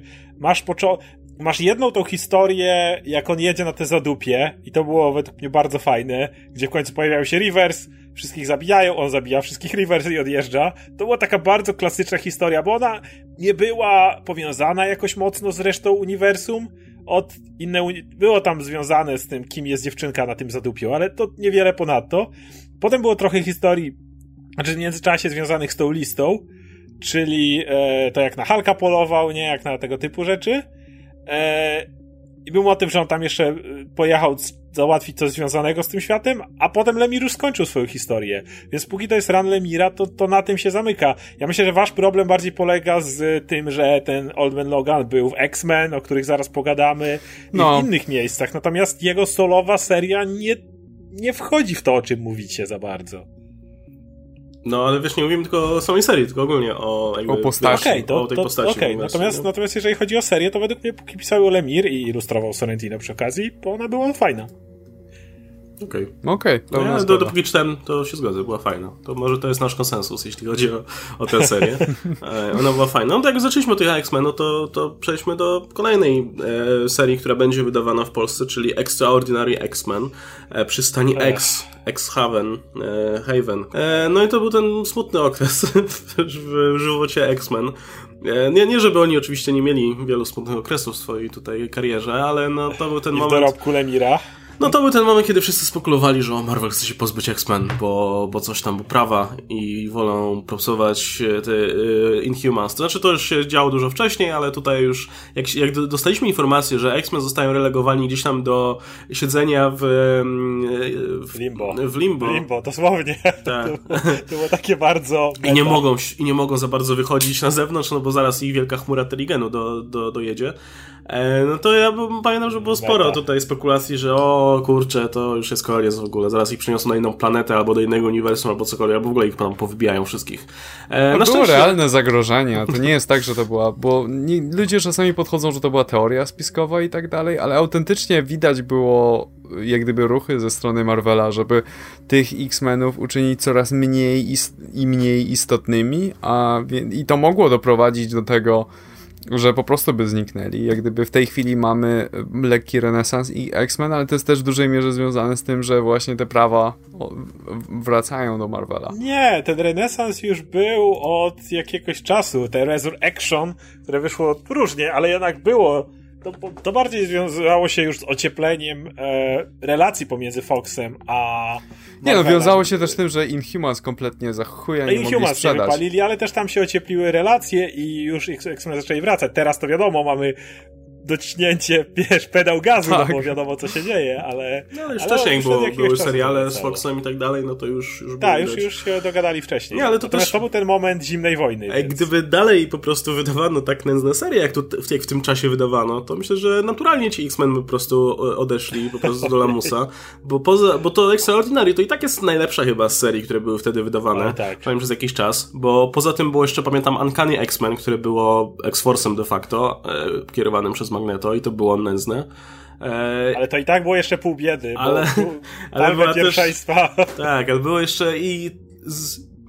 Powiem szczerze, że troszkę mnie dziwi, że tego nie wydają dalej, ale z drugiej strony, patrząc na poziom tej serii, no to cieszę się bardzo, bo to wielu ludzi zra zraziło. Jakby te końcówki serii Bendisa były słabe, ale to, co nadeszło tutaj w formie All New X-Men, e, gdzie kontynuowane są losy tych e, młodych mutantów, no to to była żenada taka maksymalna. Więc to Extraordinary to i tak jest jakby wie, wiem, że on też pewnie chciał mieć jakikolwiek tytuł z X-Men w swoim portfolio, więc no dobrze, że wybrał ten akurat. Albo jakby na przykład wydawał All New X-Men, a nie to, no to e, kiepsko. No i ten i te, te, ta seria Extraordinary, no to się da czytać. E, Im dalej, tym jest chyba trochę lepiej. Ale szczerze wyparłem to już trochę z pamięci, ten cały okres. E, jedyne co mi się tam jedyne, jedyne co mi się tam podobało to skład tej ekipy, bo fajnie, że tam była Magic, fajnie, że tam była Storm, e, i, i ten Kolosus i tak dalej, to, to było ok. By, było parę, pamiętam, naprawdę bardzo dobrych zeszytów. E, takich naprawdę, naprawdę dobrych, ale... Generalnie wokół Magik były najwięcej dobrych, jak ona przechodziła na pierwszy plan. No, ale jako seria, e, no to, to, to, to ciężko. Wydaje mi się, że to był taki... W tym momencie jakby ta seria nie ma dużego znaczenia. To nic, co się tam dzieje, nie jest aż tak istotne. Może poza wysunięciem tych globów i e, reszty tych młodych trochę na pierwszy plan, bo oni też odgrywają jakąś tam rolę do teraz. E, ale tak poza tym, no to nie nastawiacie się na, na nic, nic ani dobrego, ani ważnego. Takie czytadełko. Jak ktoś jest fanem X-Men i musi mieć jakiś X-Men w swoim życiu, to okej, okay, da, da rady, nie? Nie zrazicie się raczej do X-Men w ogóle, ale, ale nie żebym to też polecał komukolwiek. No. Co do powiedzenia, to, nie była dobra seria. No, także ten. No dobra, to ja się rozgadałem o X-Men. To teraz, e, to teraz wasz, wa, wasza rzecz. E, Spider-Man. Globalna sieć, wrogie przejęcie w oryginale Worldwide, czyli nowe otwarcie dla Spidermana, który ma teraz swoją firmę, e, jest bogaty i próbuje coś zrobić dobrego z tymi pieniędzmi. Jak wam się to podobało? Pierwszy zeszyt był super. Nie, ja ale serio. To był E, dobry to, jest, no to jest slot jak zwykle. E, Pamiętam, że rzecz, którą my się jaraliśmy bardzo, to jest to, że Spider-Man wreszcie jest istotny w uniwersum i jest na nowo, wiesz, ważny i że ma, ma trochę lepiej, dlatego że, wiesz, jest właśnie bogaty, ma technologię i tak dalej, więc jak gdyby takie standardowe e, szczęście Parkera, jak gdyby tutaj nie gra takiej wielkiej roli i wreszcie możemy zobaczyć tę postać tak jak gdyby puszczoną wolno i, i, i, do, i, i szczerze mówiąc mi te wszystkie technologiczne gadżety, które dodali do niego i te wszystkie metody, że ma zamiennika Spidermana i tak dalej, to mi się bardzo podobało. Ale szczerze mówiąc, jeśli chodzi o same historie, które były wtedy opowiadane, to nie pamiętam co się działo. E, No właśnie problem był taki, że jakby E, te znaki E, Zodiaku z jednej tak, były? Ta, o Jezus, to! ten Zodiak był fatalny. Z jednej strony, jakby z jednej strony to było bardzo fajne, bo, bo było coś nowego. A jakby nie patrzeć, Slotowi cały czas się zarzucało tak, że przez 10 lat kuje to samo, w kółko to samo, w kółko to samo. Miał tego Superiora, to była jedna rzecz taka, gdzie faktycznie wyjechał z czymś oryginalnym. E, Spider-Man. no i to. Spider-Verse był kolaboracją. E, natomiast e, tutaj faktycznie pos- postawił... Spider-Verse był kolaboracją. postawił e, Petera w kompletnie, dał mu nowy status quo. To, to nie zdarza się często. I to było naprawdę fajne. Tak jak mówisz, ta firma, No. motyw, że on e, ma nową moc i nową odpowiedzialność, że tak powiem, patrząc na to, gdzie jest. Ciocia May się zrobiła aktywniejsza, co jest, ja cały czas mówię, że albo, albo ciocię May wreszcie uśmierćcie, albo zróbcie ją taką, jak jest w, była w Ultimate, bo, bo Po prostu śmierćcie. No, Nie, nie, uśmierć, ta u, ciocia ja wiem, May- uśmierćcie i przenieście tą z Ultimate tutaj. no i przenieście to z Ultimate, whatever. E, w każdym razie, to był moment, kiedy faktycznie dano Może May też coś do roboty. uśmierćcie, uśmierćcie i przenieście ją do Ultimate. To 616. Ona sama tam będzie w takich, wiesz, pustym, apokaliptycznym świecie. Ciocia, ciocia May w kosmosie. No, E, no w każdym razie, no mówię, to był, to był naprawdę fajny motyw. E, natomiast problem polega na tym, że tak, większość tych historii była. Ten, to z Zodiakiem było tak męczące, że tylko myślałem, kiedy to się skończy wreszcie. E, no, Clone Conspiracy nam się podobało. Miało taki dziwny start, ale w końcu. tobie się podobało. Niezłe. Nie Tobie też powiedzia- się podobało ostatecznie. Nie, w sumie wiesz, że teraz z perspektywy czasu, jak patrzę na Clone Conspiracy, to jest kompletny bullshit. E, Jak gdyby- było okej. To jest takie, hej, Spider-Man jest fajny, czy wiedziałeś o tym? Spider-Man totalnie jest fajny i nie i ma kręgosłup moralny i takie, wiesz, wiem slot, powiedziałeś mi to w każdym story arku, który kiedykolwiek pisałeś. Meritum jest takie, że jakby jest tu cała masa dobrych konceptów, ale nie za wiele dobrych historii. O, wiem, i tu zaczyna się jeszcze ten tak bardzo bezpłciowy romans z Mockingbird, A, który był najbardziej aseksualnym chyba związkiem w historii związków e, Marvela od dawna. Więc jak ktoś lubi Spidermana i chce czytać dalej, to okej. Tak jak slot, no to jest... Mówię, pierwszy zeszyt jest super, jak gdyby, bo w pierwszym zeszycie przedstawiają ci ten cały nowy status quo, przedstawiają ci jak teraz e, Spider-Man operuje i tak dalej, później jeszcze poznajesz Mockingbird, co na samym początku, w pierwszym momencie jeszcze się nie wydawało tak bardzo bez sensu. Później jak gdyby się okazuje, że hej, te postacie nie mają ze sobą nic wspólnego i nie mają żadnej chemii. Ale... Na szczęście do tego doszli w końcu. tak, E, no- to, to- było akurat właśnie fajne, że cofnęli to właśnie na gruncie tego, że no naprawdę nie ma chemii między nami. To, dosłownie. Było tak, że oni powiecie, jak e, Spider-Man spoiler alert rozstał się z Mockingbird, no mieli raz lot samolotem e, o 12 godzin i twierdzili, że nie mają o czym rozmawiać. Jak No. nie mają, wiesz, nie przebierają się w kostiumy, nie biegają po mieście, nie walczą gdzieś tam, to nagle nie mają o czym rozmawiać. E, I to w sumie było widać przez całą serię. E, natomiast Tak. jedna rzecz jeszcze, jeżeli mam coś, coś dobrego powiedzieć, to w tej serii dalej świetnie jest rozwinięta postać Anny Marii Marconi i to jest jedna z rzeczy u Spencera, których mi brakuje, bo ta postać dziś zniknęła. Znaczy ona chyba będzie się pojawiała w innej serii, która teraz jest e, Superior Octopus i teraz będzie Superior Spider-Man. W sumie to jest właściwe miejsce tej postaci, więc aż tak nie żałuję, ale to jest naprawdę jedna z tych rewelacyjnych postaci, które Slot stworzył obok Superior Spidermana, no to jest jakby go no, stworzył, przetworzył. Ale właśnie to jest nazwać. fajne, że jej nie porzucił natychmiast po, po wiesz, po Nie porzucił, znalazł jej świetne miejsce. Jeżeli no. tutaj jak bardzo jedziemy ostatnio slota na porównanie do innych, to to jest ta, ten jedna z jego kreacji, która mu się bardzo udała i bardzo konsekwentnie ją fajnie pisał. W ten sposób, że teraz Christos Gage, który przejmuje mm, Superiora i Otto, ma świetne fundamenty, żeby tą postać dalej budować. I tu od razu mówię, jakiś czas temu wyszedł ten pierwszy numer Superior Octopus. Czytałeś go już, Łukasz? Nie, jeszcze nie. Jest rewelacyjny, Anna Maria jest dalej tam fenomenalnie pisana zgodnie z tym charakterem i, i jeżeli mam tutaj e, jakoś e, właśnie slota pochwalić tym wszystkim, to to jest ta, ta jedna postać, którą fajnie trzymał przez cały ten run. E, ja pamiętam, że przeczytałem pierwszy zeszyt i też głównie dlatego, że koncept był spoko. Ja tak co jakiś czas próbowałem wrócić do tego Spidermana, bo Spider mi się podobał i Spider-Verse też. E, ale no nie, nie. Tak pierwszy, pierwszy zeszyt był spoko faktycznie. Pamiętam, że chyba jeszcze na recenzję na bloga pisałem czy coś. E, a potem wziąłem drugi i, i nie. to już to... I, I tak konsekwentnie już do samego końca moim zdaniem było kiepsko, bo co jakiś czas tam sprawdzałem sobie z ciekawości i sprawdziłem ten finał i no nie, dziękuję bardzo, ale E, no, jeśli, jeśli, komuś nie, jeśli komuś slot nie podchodził, to wydaje mi się, że lepiej sobie poczekać, aż e, w Polsce się pojawi Run Spencera albo jakieś alternatywne rzeczy. lepiej kupcie sobie teren Eurovows i już. I, I, wydaje mi się, to że... też slota. ale wydaje mi się, że chyba lepiej się to czytało niż to, co tutaj mamy. E, no, dobra, to tak, co dalej?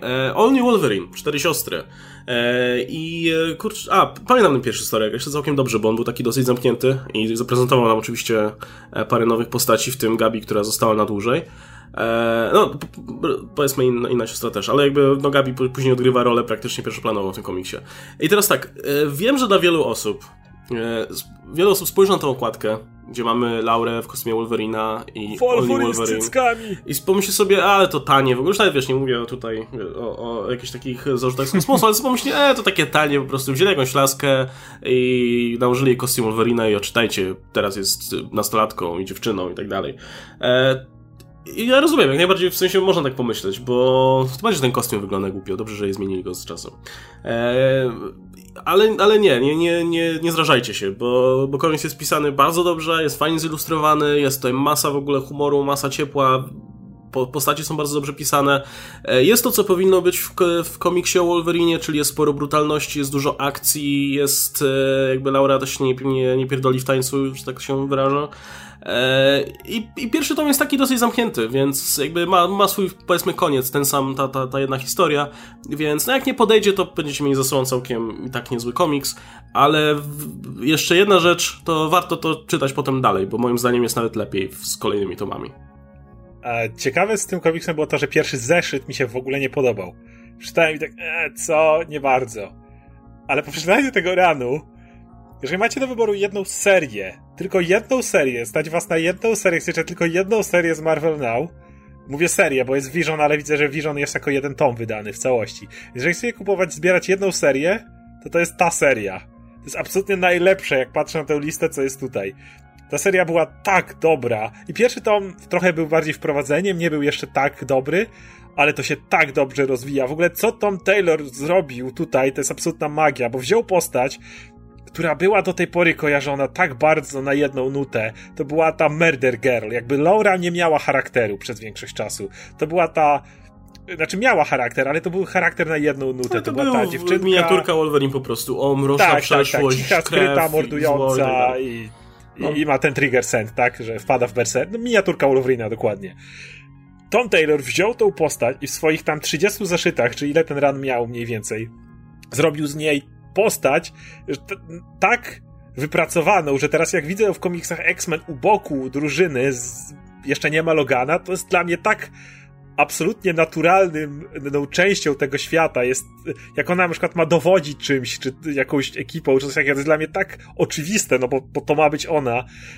Ten komiks e, nie tylko e, rozbudowuje postać Laury do tego stopnia, że jest jedną, w tej chwili chyba z e, bohaterek X-Men, to jest w moim na pewno top 3, wśród w ogóle bohaterów, wśród mutantów jest bardzo wysoko, bo jest, jest świetna, jest po prostu tak dobrze napisana, ale mało tego, on jeszcze doskonale uhonorowuje Wolverina w rewelacyjny sposób, bo Laura nie jest miniaturowym Wolverinem tutaj. Jeżeli szczególnie oglądaliście film Logan, to wam szczególnie to powinno podejść do, e, do gustu, to co tutaj się dzieje, bo jakby ideą w komiksach jest, idea w komiksach jest taka sama jak w e, filmie Logan, czyli Logan chciałby, żeby Laura była od niego lepsza e, lepsza, żeby nie zabijała, żeby nie była tą, tym narzędziem, tą maszyną do zabijania i Laura w tym komiksie stara się to za wszelką cenę uhonorować.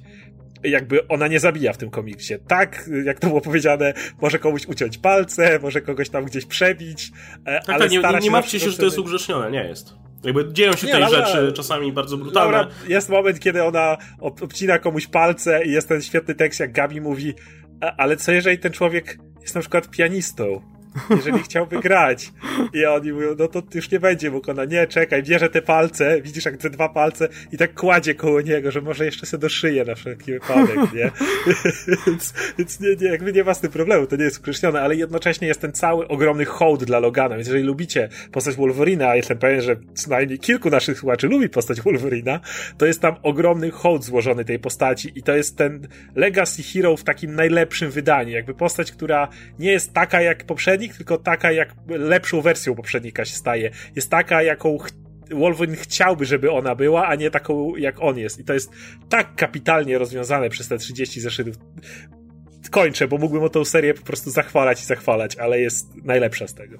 Nie, ale wydaje mi się, że w ogóle kwestia dziedzictwa jest tutaj taką kluczową w tej serii. E, cała relacja z Loganem i też nie zabraknie Logana dla tych, którzy lubią tę postać w tym komiksie, bo jest cała masa flashbacków i tak dalej do niego, prawda? Mhm. W przebitce takiej, tak, bo no, mamy no. relację pomiędzy Laurą a Gabi i o ile e, Laura jest w stosunku do Gabi taka, e, jaka chciałaby, żeby Logan był w stosunku do niej. Jakby stara się wszystkie błędy Logana poprawić na relację z Gabi. Jest ten, e, jedna, powiem dosłownie scena jeszcze, żeby zareklamować w takim razie ten komiks, kiedy e, Gabi, Laura mówi do Gabi, żeby Gabi odeszła, bo z nią to tylko ból, cierpienie, syf i w ogóle.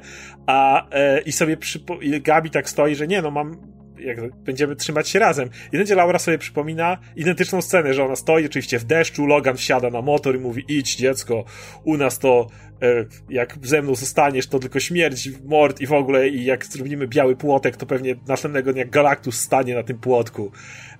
I w momencie Laura sobie to przypomina, jak się wtedy czuła i patrzy na Gabi i mówi, dobra, chodź. A jak Galactus staje na płotku, to zbudujemy nowy płotek. I to jest, i to jest jakby wszystko, co musisz wiedzieć w tym momencie. I cały komiks jest pisany w ten sposób. Jakby Laura cały czas w ten sposób patrzy na swoją relację z Wolverinem. Widzisz, że ona go kocha, widzisz, że jest jego córką i to jest też cudowne, że później ustanowiono, że jest jego córką, a nie klonem już, by the way. E, ale, ale właśnie to jest ten, ten motyw tego dziedzictwa, o którym mówisz. Mega. Tak, bardzo, bardzo dobra seria. E moim zdaniem druga najlepsza, jeśli chodzi o to, co będzie wydawane w Marvel Now 2.0. Jakby nie, nie sam tom, ale cała seria, bo dla mnie lepszy jest y, Thor. Potężna Thor. Pierwszy tom Grzmiąca Krew, oryginalnie Mighty Thor Thunder in Her Veins, który kontynuuje historię Jane Foster, bo jak wiemy, no w Polsce wyszedł ten pierwszy tom już, e, gdzie dopiero nam przedstawiono nową Thor, który był taki sobie, był takim wstępem, trochę na przeczekanie, no ale dopiero teraz, tak naprawdę po e, Secret Wars, zaczyna się cała historia, która Szczerze, ja już tak nie pamiętam, co było w tym pierwszym tomie, bo to było tak dawno e, i jakby nie jestem pewien, co było w kolejnym i tak dalej. Kojarzę wydarzenia, ale tam zdaje się, że Malekit jeszcze rozstawiał te swoje kloski i, i dopiero mieliśmy, mm, no właśnie, początek tej, tej, tej całej długiej historii. E, ale z perspektywy całej serii, to warto w to inwestować, bo to jest y, kolejna seria, która robi się lepsza praktycznie. Im dalej, im dalej, im bardziej jesteś zaangażowany, im więcej Aaron rozwija powiedzmy te, tej, tej całej historii, tych wątków poszczególnych postaci, tym, tym to jeszcze ciekawsze się robi, bo y, szczególnie, że ta seria się trochę odróżnia od pozostałych superbohaterskich rzeczy, bo ona jest mniej superbohaterska, jest bardziej w takich właśnie klimatach fantazy, ma, ma sporo takich mitologicznych elementów, e, plus Russell Dauterman jest, kurczę, tutaj niesamowity. I, i to, jak ten komiks wygląda, e, z, jego, z jego rysunkami, z kolorami Matthew Wilsona jest, jest absolutnie niesamowite i jeśli ja miałem powiedzieć, jak, jaka seria jest najlepsza z Marvel na 2.0, to zdecydowanie Thor. Ja miałem uraz troszeczkę, dlatego że właśnie czytałem tę pierwszą serię i ona była okropna. Jakby ona, pamiętam, że ona miała takie elementy takiej bardzo mało subtelne politycznie, e, i ona... Ale ona też jechała na jednym motywie. Cały ten pierwszy tom, który macie, jechał Kim jest Thor, prawda? Kim jest nowa Thor? Kim jest Thor? I to było strasznie smutne. Może to jest ta postać, może ta postać, może ta. To było okropne. I wiesz, szczególnie teraz z perspektywy czasu, jak już wiesz, kim, kim jest ta postać, to już jakby to Wszyscy wiedzą, działa. nie? Jakby to już nie ma, nie ma żadnej tak. niespodzianki dla nikogo. Tak, no ale wiesz, cza, czasami, czasami jest tak, że historia jest tak dobrze napisana, że nawet jeżeli znasz zakończenie, to ci się dobrze czyta, bo jest tak dobrze napisana. W tym wypadku nie. W wypadku tak, tak tylko zaznaczmy, że mówimy cały czas o tym tomie o, o poprzednim. Secret, tak, tak, tak. Żeby nikt nie pomylił. Ja, ja ten tom Secret Wars przeczytałem dopiero długo, długo później, kiedy już, wiesz, kiedy już mi przeszło po prostu niesmak po poprzedniej serii. I e, jest zaskakująco dobry, przynajmniej dla mnie był zaskakująco dobry, biorąc pod uwagę właśnie poziom poprzedniej serii. I e, co mi się w nim najbardziej podobało, to to, że jest tak bardzo osobisty, jak gdyby jest prowadzony właśnie z narracji Jane Foster, która wiesz, ma swoje potworne problemy zdrowotne i, i, i chemioterapię i tak dalej i musi, musi to równocześnie balansować z tym życiem fantazy, które już jest bardziej typowe dla Thora, dlatego że jak popatrzymy na wcześniejsze tomiki Jasona Arona, to to już był wcześniej fantazy, jak gdyby ten cały story arc z, y, z y, Mrocznymi Elfami i tak dalej, to jest praktycznie fantazy. To nawet nie jest super bohaterski. Tak, tylko że wcześniej to było takie bardziej, wiesz, magia i miecz, a teraz jest takie bardziej baśniowe jednak, nie? Może to też kwestia rysunków, ale mam wrażenie, że no, no troszkę, no, no. troszkę jednak bardziej kolorowo się zrobiło teraz. Ale wiesz co, wydaje mi się, że to połączenie tego świata fantazy i świata, wiesz, osoby chorej na raka, to, to jest coś, co jest tutaj e, innowacyjne i naprawdę interesujące czego tak naprawdę nigdy nie miałeś dobrej, do, do, w, na dobre w komiksie. I widzisz to, że ten świat fantasy jest troszeczkę eskapizmem dla osoby, wiesz, dla Jane Jest Foster? to wprost powiedziane. jest to nie, ja wiem, ale... Nie jest w stanie puścić tego młota, nawet czasami boi się, że jak już go podniesie, tak. to już nie będzie w stanie go puścić więcej. Bo... Nie, ale a wiesz, jednocześnie, to, a jednocześnie to działa na... Momenty to działa na dwóch poziomach, o to mi chciałem powiedzieć, że działa tak, też jako tak, po tak. prostu superbohaterskiej, e, superbohaterska historia, że Thor jest w kosmosie i walczy i równocześnie to działa jako historia osoby chorej na raka, która próbuje się z tym jakoś pogodzić i po prostu nie może do końca. I to jest, no... Tak, a jednocześnie są te momenty, kiedy ona wręcz walczy o to, żeby zachować swoje człowieczeństwo, bo jakby zdaje sobie sprawę, że ta Thor to nie jest ona do końca. I to, mm -hmm. jest, to, to, to wszystko ma takie drugie dno fajne. I ten tom jest właśnie o tyle dużo lepszy, że on się uwalnia z tego brzemienia tajemnicy, kto to jest. Tak. I zaczyna się przez to rozwijać. Według mnie ta seria nie jest tak dobra jak All New Wolverine, ale jest dalej bardzo dobra. I powiem to samo, co Adam powiedziałeś o tamtej, jakby jeżeli ktoś szuka Tora Odinsona, to go też tu nie zabraknie. I mimo tego, że on jest postacią drugoplanową, choć mam nadzieję, że jeżeli jak on wydaje, to to wyda tą miniserię niegodnego Tora, bo była świetna, e, to jednocześnie Thor tu przechodzi genialny rozwój. Mhm. Jakby to, jaki jest dzisiaj Thor i to jakby dzisiaj, bo dzisiaj Thor jest trochę innym bohaterem przez to, bo sporo przeszedł i wiele rzeczy zrozumiał w życiu. Jest dzisiaj dużo doroślejszy. Jest lepszym Thorem. To jest fantastyczne prawda? Masz... Tak, dzięki temu, co przeszedł tutaj i dzięki tak. temu, co przeszła Jane, co ona mu pokazała, co on przeszedł, bo tak jakby jego historia na drugim planie jest bardzo ciekawa i on się sporo uczy od Jane, takich rzeczy, o których nawet by nie pomyślał.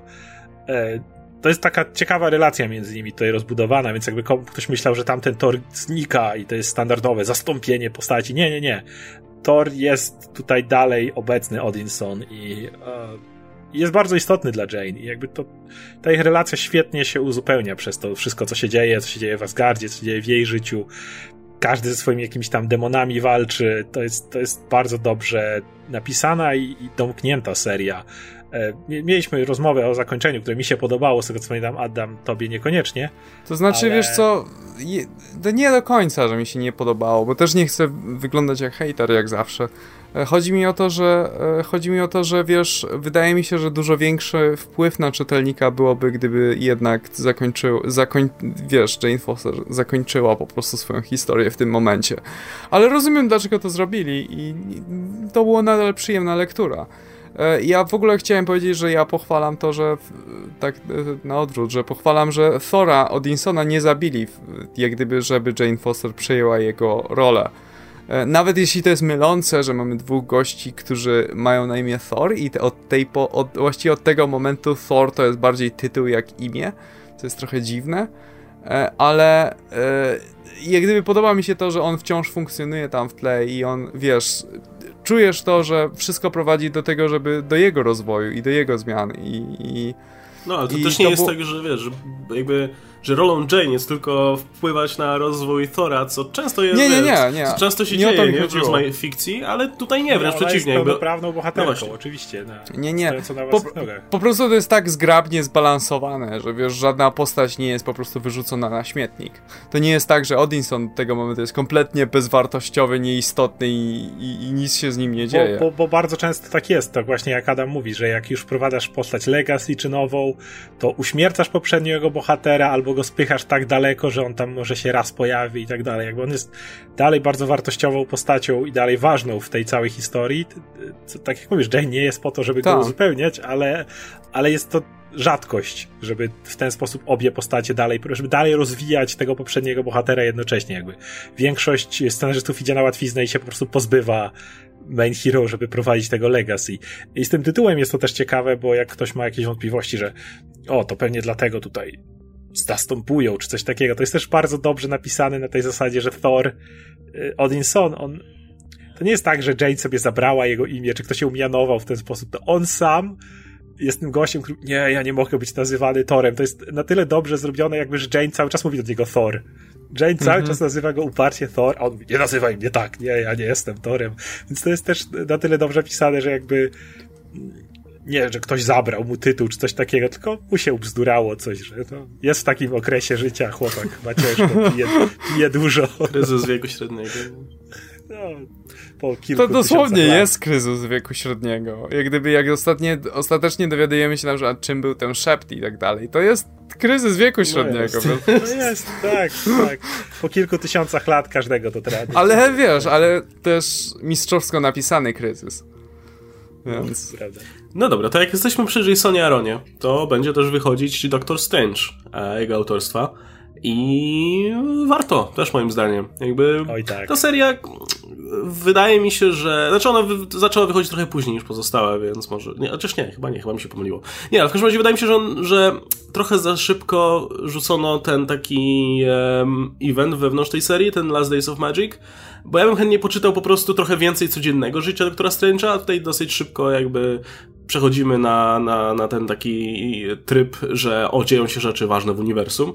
E, ale właśnie szczególnie najlepiej, właśnie najlepiej wspominam ten sam początek tej serii Arona, gdzie po prostu widzimy codzienne życie doktora Strange'a. To, co on je, to, co on robi. jak, jak robi wizytę domową. Tak, jak robi wizytę domową i to, to, to mi się podoba najbardziej, bo to jest coś, czego nie widzisz na co dzień. Nie? Zwykle od bardzo, bardzo dawna doktor Strange nie miał swojej serii, więc go widziałeś tylko jak się nagle pojawiał w jakichś właśnie eventach albo gościnie w jakichś komiksach, gdzie przychodził, czarował coś i, i spadam.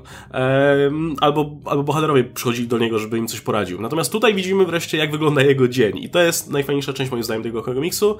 I super, że Chris Bacalo tutaj to ilustruje, bo pasuje do tego idealnie, do rysowania tych wszystkich e, psychodelicznych, absurdalnych rzeczy. No, po prostu jakby czytać Steve'a Ditko e, te, te pierwsze komiksy, bo to, to, to ma taki właśnie nastrój. Także moim zdaniem warto, nawet, nawet jakby to, co się dzieje później też jest spoko. Po prostu ta, ta pierwsza część mi się podobała tylko najbardziej. To jest o tyle ciekawe, że ja ogólnie nie trawię Chrisa Bacalo. Generalnie w X-Men go nie znosiłem. Ja mam problem z jego stylem. Ale on tak bardzo pasował do Doktora Strange'a. To jest ten jeden motyw, jakby ja mówię, ogólnie jak jest Chris Bacalo, to no, jest jeden z tych artystów, który jego styl nie odrzuca od komiksów, ale tutaj to był taki, to, to, tak kliknęło, jakby to był ten, ten jeden moment, kiedy, no oczywiście, że tak, właśnie on ma ten taki psychodeliczny styl, który, te światy, które się tam gdzieś zaplatają, nie, te takie stwory, te, to działało, po prostu działało w tym jednym miejscu i, i, to, to chyba dowodzi, jak ta seria działa, skoro, skoro nawet artysta, do którego nie jestem przekonany, mnie tutaj przekonał. Natomiast, e, tak jak mówisz, początek jest super, e, te ostatnie dimagi są ok, ale nie są jakoś szczególnie dobre. E, natomiast je, warto czytać ten run z jednego powodu, bo potem jest ten taki e, zamieszanie wokół Secret Empire i tam różni scenarzyści się przewijają i to są takie sobie historie, ale potem przechodzimy do Bemisa i nie Bemisa, e, do Catesa i Cates jest lepszy niż Aaron, jego run? Jakby jest dużo lepszy. Więc y, warto czytać chociażby ten run po to, żeby, bo on jest dobry, a potem przechodzi w lepszy. Nie, Więc, nie. Jakby nie. Bardziej się podobał ten początek u Arona jednak. Jakby ten Case'a był spoko, tylko że zeszyt. historia Case'a potem to jest bardziej historia o Loki niż o Doktorze Strange'u, więc... No. Ale ty mówisz o pierwszym zeszycie, natomiast jeżeli porównasz Run, to według mnie jest lepszy. Tak, pierwszy zeszyt y, Arona jest lepszy niż cokolwiek Case'a, ale no... No ale u Case'a też trudno mówić o Ranie, no tam był Tom w zasadzie. I do widzenia. No okej. Okay. Natomiast no, to jest okej, okay, okej okay seria, fajnie, bo jest Doctor Strange. Jak chcecie rzadko była okazja poczytać coś o Doktorze Strange'u. Obecny Doktor Strange w komiksach jest tak do dupy. Tego nie da się czytać, to co teraz jest, to co pisze Wade. Boże, to jest tak złe. Więc y, cieszcie się, póki Strange był ten, miał jeden okres w historii, kiedy miał fajne, miał komiksy i miał fajne komiksy. Okej, okay, to jak jesteśmy przy w takim razie pojedynczych tomach, to może przeskoczmy Ironmana, bo to jest bardzo ciekawy przypadek. Tomach. E, Iron Man. E, tak, to jest pojedynczy tom. Bendisa, e, który ma, ma więcej tomów, ten Iron Man. Ale to jest niesamowity przykład tego, jak Bendis, klasyczny Bendis, przez pewien czas to był klasyczny Bendis, bo potem to już nawet, nawet tu nie był. W DC to nawet to, za takiego klasycznego Bendisa to wiele by dużo oddało. To był ten, to był ten czas, kiedy Bendis potrafił tak dowalić pierwszym tomem i on to, to, to nie był jedyny przy, przykład bo Bendis jak się zajarał czymś, to był jeszcze ten okres, to potrafił naprawdę dać siebie 110%, żeby, żeby w coś pójść. Tylko chłopak się szybko nudził. Bardzo szybko nudził. I to jest tego przykład. Pierwszy tom Ironmana z All New, All Different Marvel to jest prawdopodobnie najlepszy Iron Man solowy, jakiego czytałem od lat. To jest tak dobra seri seria. To jest tak dobry tom. To jest tak dobry tom. Tak y, jest świetnie Tony Stark napisany. To jest ten Tony Stark, który już staje się tym Robertem Downey Jr. oczywiście, wiadomo. Mm -hmm. Ale to w niczym nie przeszkadza. Jest kupa zabawy, y, kupa świetnych akcji, e, świetnie napisanych dialogów. To jest taki szczytowy Bendis. No, jest fajny Doom, fajny Doctor Strange. Jakby nawet, I... nawet postacie poza ton, Tonem Starkiem są pisane bardzo świetny. Dobrze. I to jest jedyny tom, który warto kupić, bo już kolejny Kolejny to jest dalej klasyczny Bendis, ten drugi klasyczny Bendis. Więc jeżeli chcecie Ironmana, świetny tom, ale niekoniecznie tak, warto, warty Warto wziąć ten pierwszy tom. Chyba, że ktoś jest zainteresowany Riri Williams, no to ona się pojawia w tym drugim. Jakby ten drugi tom to jest wstęp do Civil War 2 bardziej, jakby takie przeczekanie bardziej. Jakby już były pewnie plany, co ma się dziać z Civil War 2, że, że z Tonem Starkiem ma się dziać to i to, że trzeba przedstawić to i to, że taka i taka postać ma zginąć, taka i taka postać ma być w takiej roli. Więc ten drugi tom to jest takie, no dobra, odhaczmy te wszystkie rzeczy, a w międzyczasie niech się dzieje coś, co e, udawajmy, że to, co się dzieje jest ważne w jakiś sposób. I to czuć, bo to tak męczy niesamowicie, ale, ale jeśli ktoś e, chce po prostu coś z Iron, Iron Manem, no to ten pierwszy tom można przeczytać, a potem zapomnieć o tej serii. No chyba, że ktoś czeka bardzo na Civil War 2 dwa, no to no, na waszą odpowiedzialność, nie? Pierwszy tam mi się podobał, był świetny. Podobała mi się cała relacja z Doomem i, i w ogóle przedstawienie go na nowo, jak gdyby w tym uniwersum. I... To jest ostatnie, co dobre zrobił Bendis dla Ta. Marvela. Potem to odkręcił w jednej, jednej scenie, której nikt nie rozumie, no, ale to mniejsza o to na, na później. To, to, to nie, ale to jest czas. właśnie ten dobry Bendis. To jest, to jest ten świetny Bendis. Tak. Natomiast to jest, gdyby, wiesz... gdyby, gdyby Bendis jakby wszedł do DC i taki tom odpierdzielił Supermana czy Action Comics pierwszy, to no, no, byśmy dzisiaj zupełnie inaczej rozmawiali o tym. Dokładnie, ale to w DC już jest ten gorszy Bendis. Więc... Tak, nie no, ja pamiętam, że gadaliśmy o przejściu Bendisa, to liczyliśmy też na to, że on będzie tak zajarany, że na fali tego entuzjazmu napisze to dobrze. No, bo on tak miał. Potrafił pierwsze tomy zrobić po prostu świetne. No to wielu rzeczy. No, ale skończyło się. Dobra, to jak jesteśmy przy jednych tomach, no to mamy jeszcze serię, która będzie. Nie, no będzie chyba dwoma tomami. E, Vision. Bo tam jest 12 zeszytów, więc pewnie to podzielono na dwa tomy. No, to nie ma nic lepszego jak macie kupić jeden tom, kupcie Visiona, koniec. No jest to, jest to, wydaje mi się, że to jest komiks, który sprawił, że Tom King stał się jak gdyby znanym i szanowanym scenarzystą. I jak gdyby jest niesamowite, niesamowity klimat tej, tej opowieści, gdzie dostajesz Visiona z całą jego rodziną i masz ten taki dziwny y, amerykański konformizm i tak dalej, wstawiony w tą robotyczną, algorytmiczną y, rzeczywistość, w której żyją członkowie tej rodziny, które, którzy, wiesz, zachowują się tak jak rodzina nuklearna czy coś takiego, ale równocześnie są robotami, więc mają wszystkie jak gdyby quirki i dziwne zachowania robotów. I to wszystko e... jest takie, że wiesz, że niby, niby wszystko wygląda ok, ale, tak, ale, ale nie do końca, nie? I przez to, że jest nie do końca, to to się wydaje jeszcze bardziej takie niepokojące i, i, i jakby z każdym kolejną rzeczą, która się dzieje, jakby wie, że, że, że, że, będzie nieciekawie mm. w którymś momencie.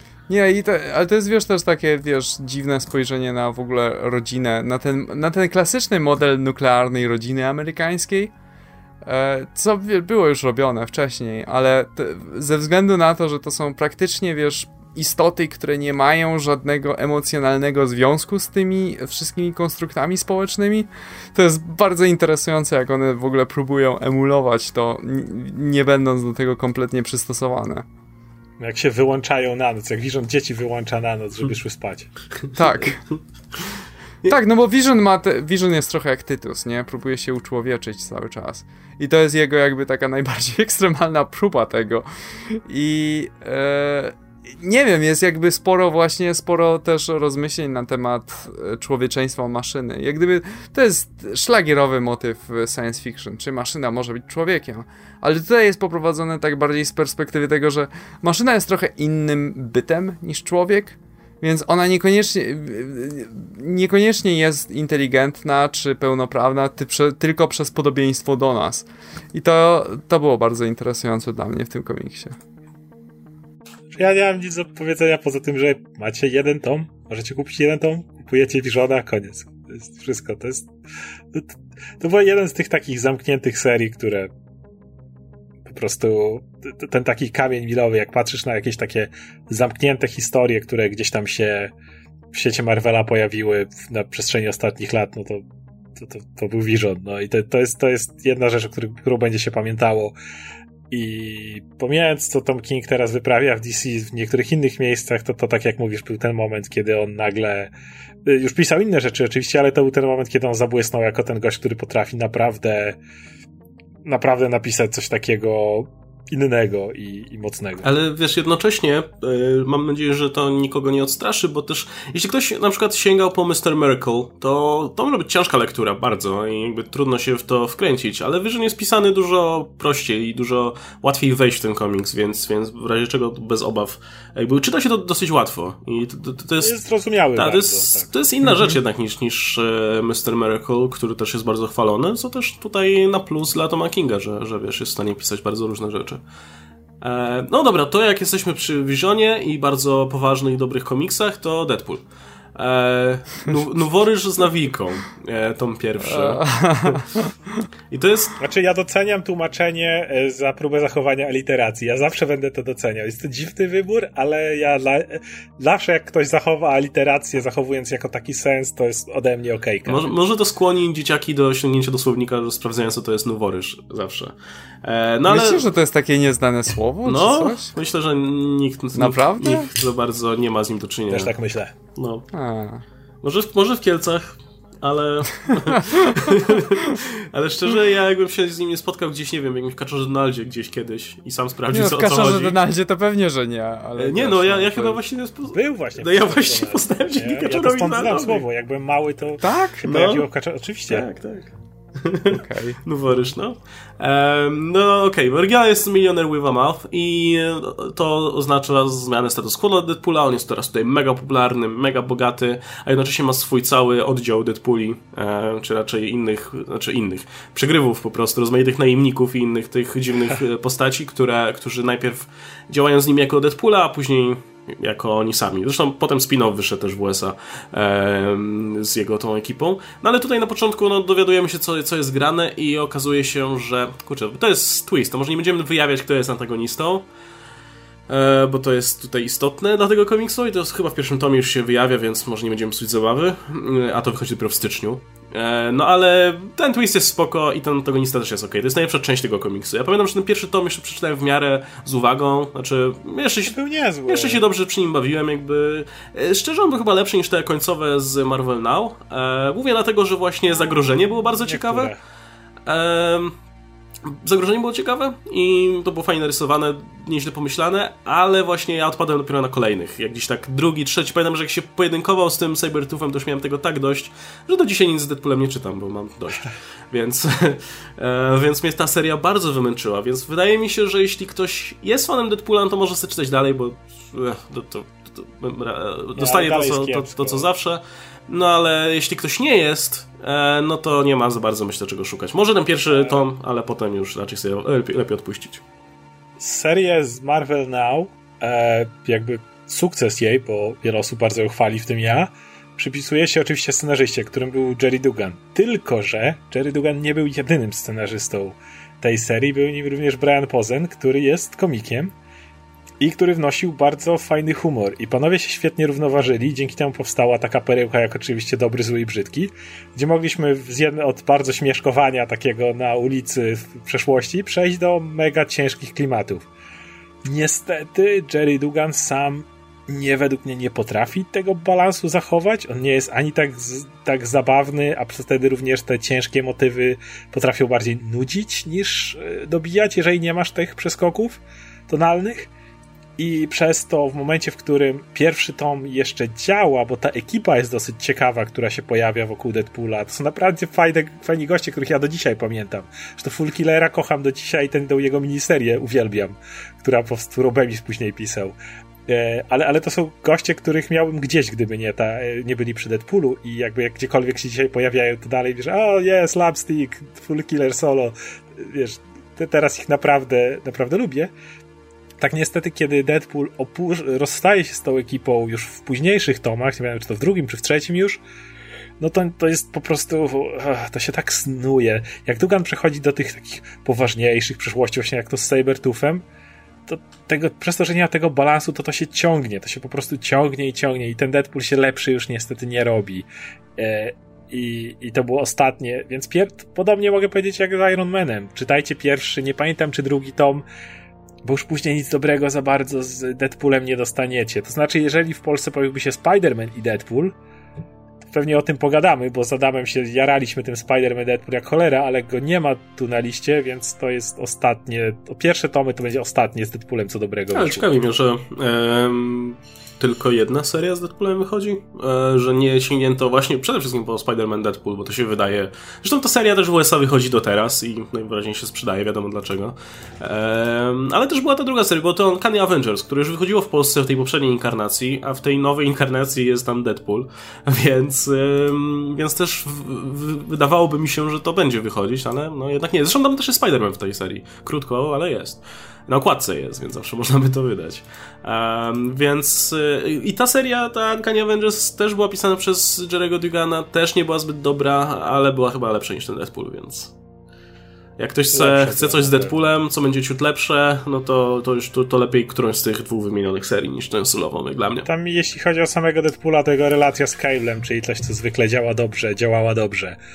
Więc jeżeli ktoś dla, dla, dla Chociaż nie, tam Duganowi szło pisanie, bo pamiętam też jak było to starcie Red Skull, a, właśnie jak Dead, Deadpool to nie było pisane tak kompletnie heheszkowo, jakby tam Deadpool był. Ja lubię tego Deadpoola, który potrafi być, który ma e, relacje jakby z innymi. Je, jest jaki jest, ale jak już idzie do, o to, że ma walczyć o przyjaciół czy rodzinę, to potrafi spoważnieć. W sensie dalej żartuje, ale wiesz, że on tak żartuje już bardziej z przyzwyczajenia, ale coś za tym stoi.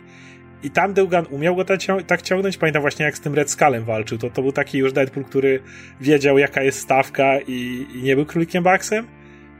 Natomiast y, tutaj tu mu nie szło, więc, więc zgodzę się, że jak jeszcze był ok Deadpool tam, ale niestety najlepszy Deadpool z All New All Different Marvel to był zdecydowanie ten Spider-Man i Deadpool, bo tam Deadpool potrafił za serducho złapać, a to jest wyczyn, jeżeli piszesz Deadpoola, który łapie za serducho e, który pisał, że to Joe Kelly, no wiadomo, gość, który na Deadpoolu zęby zjadł, ale już później niestety nic dobrego z Deadpoolem nie ma i do dzisiaj nie ma, więc szkoda.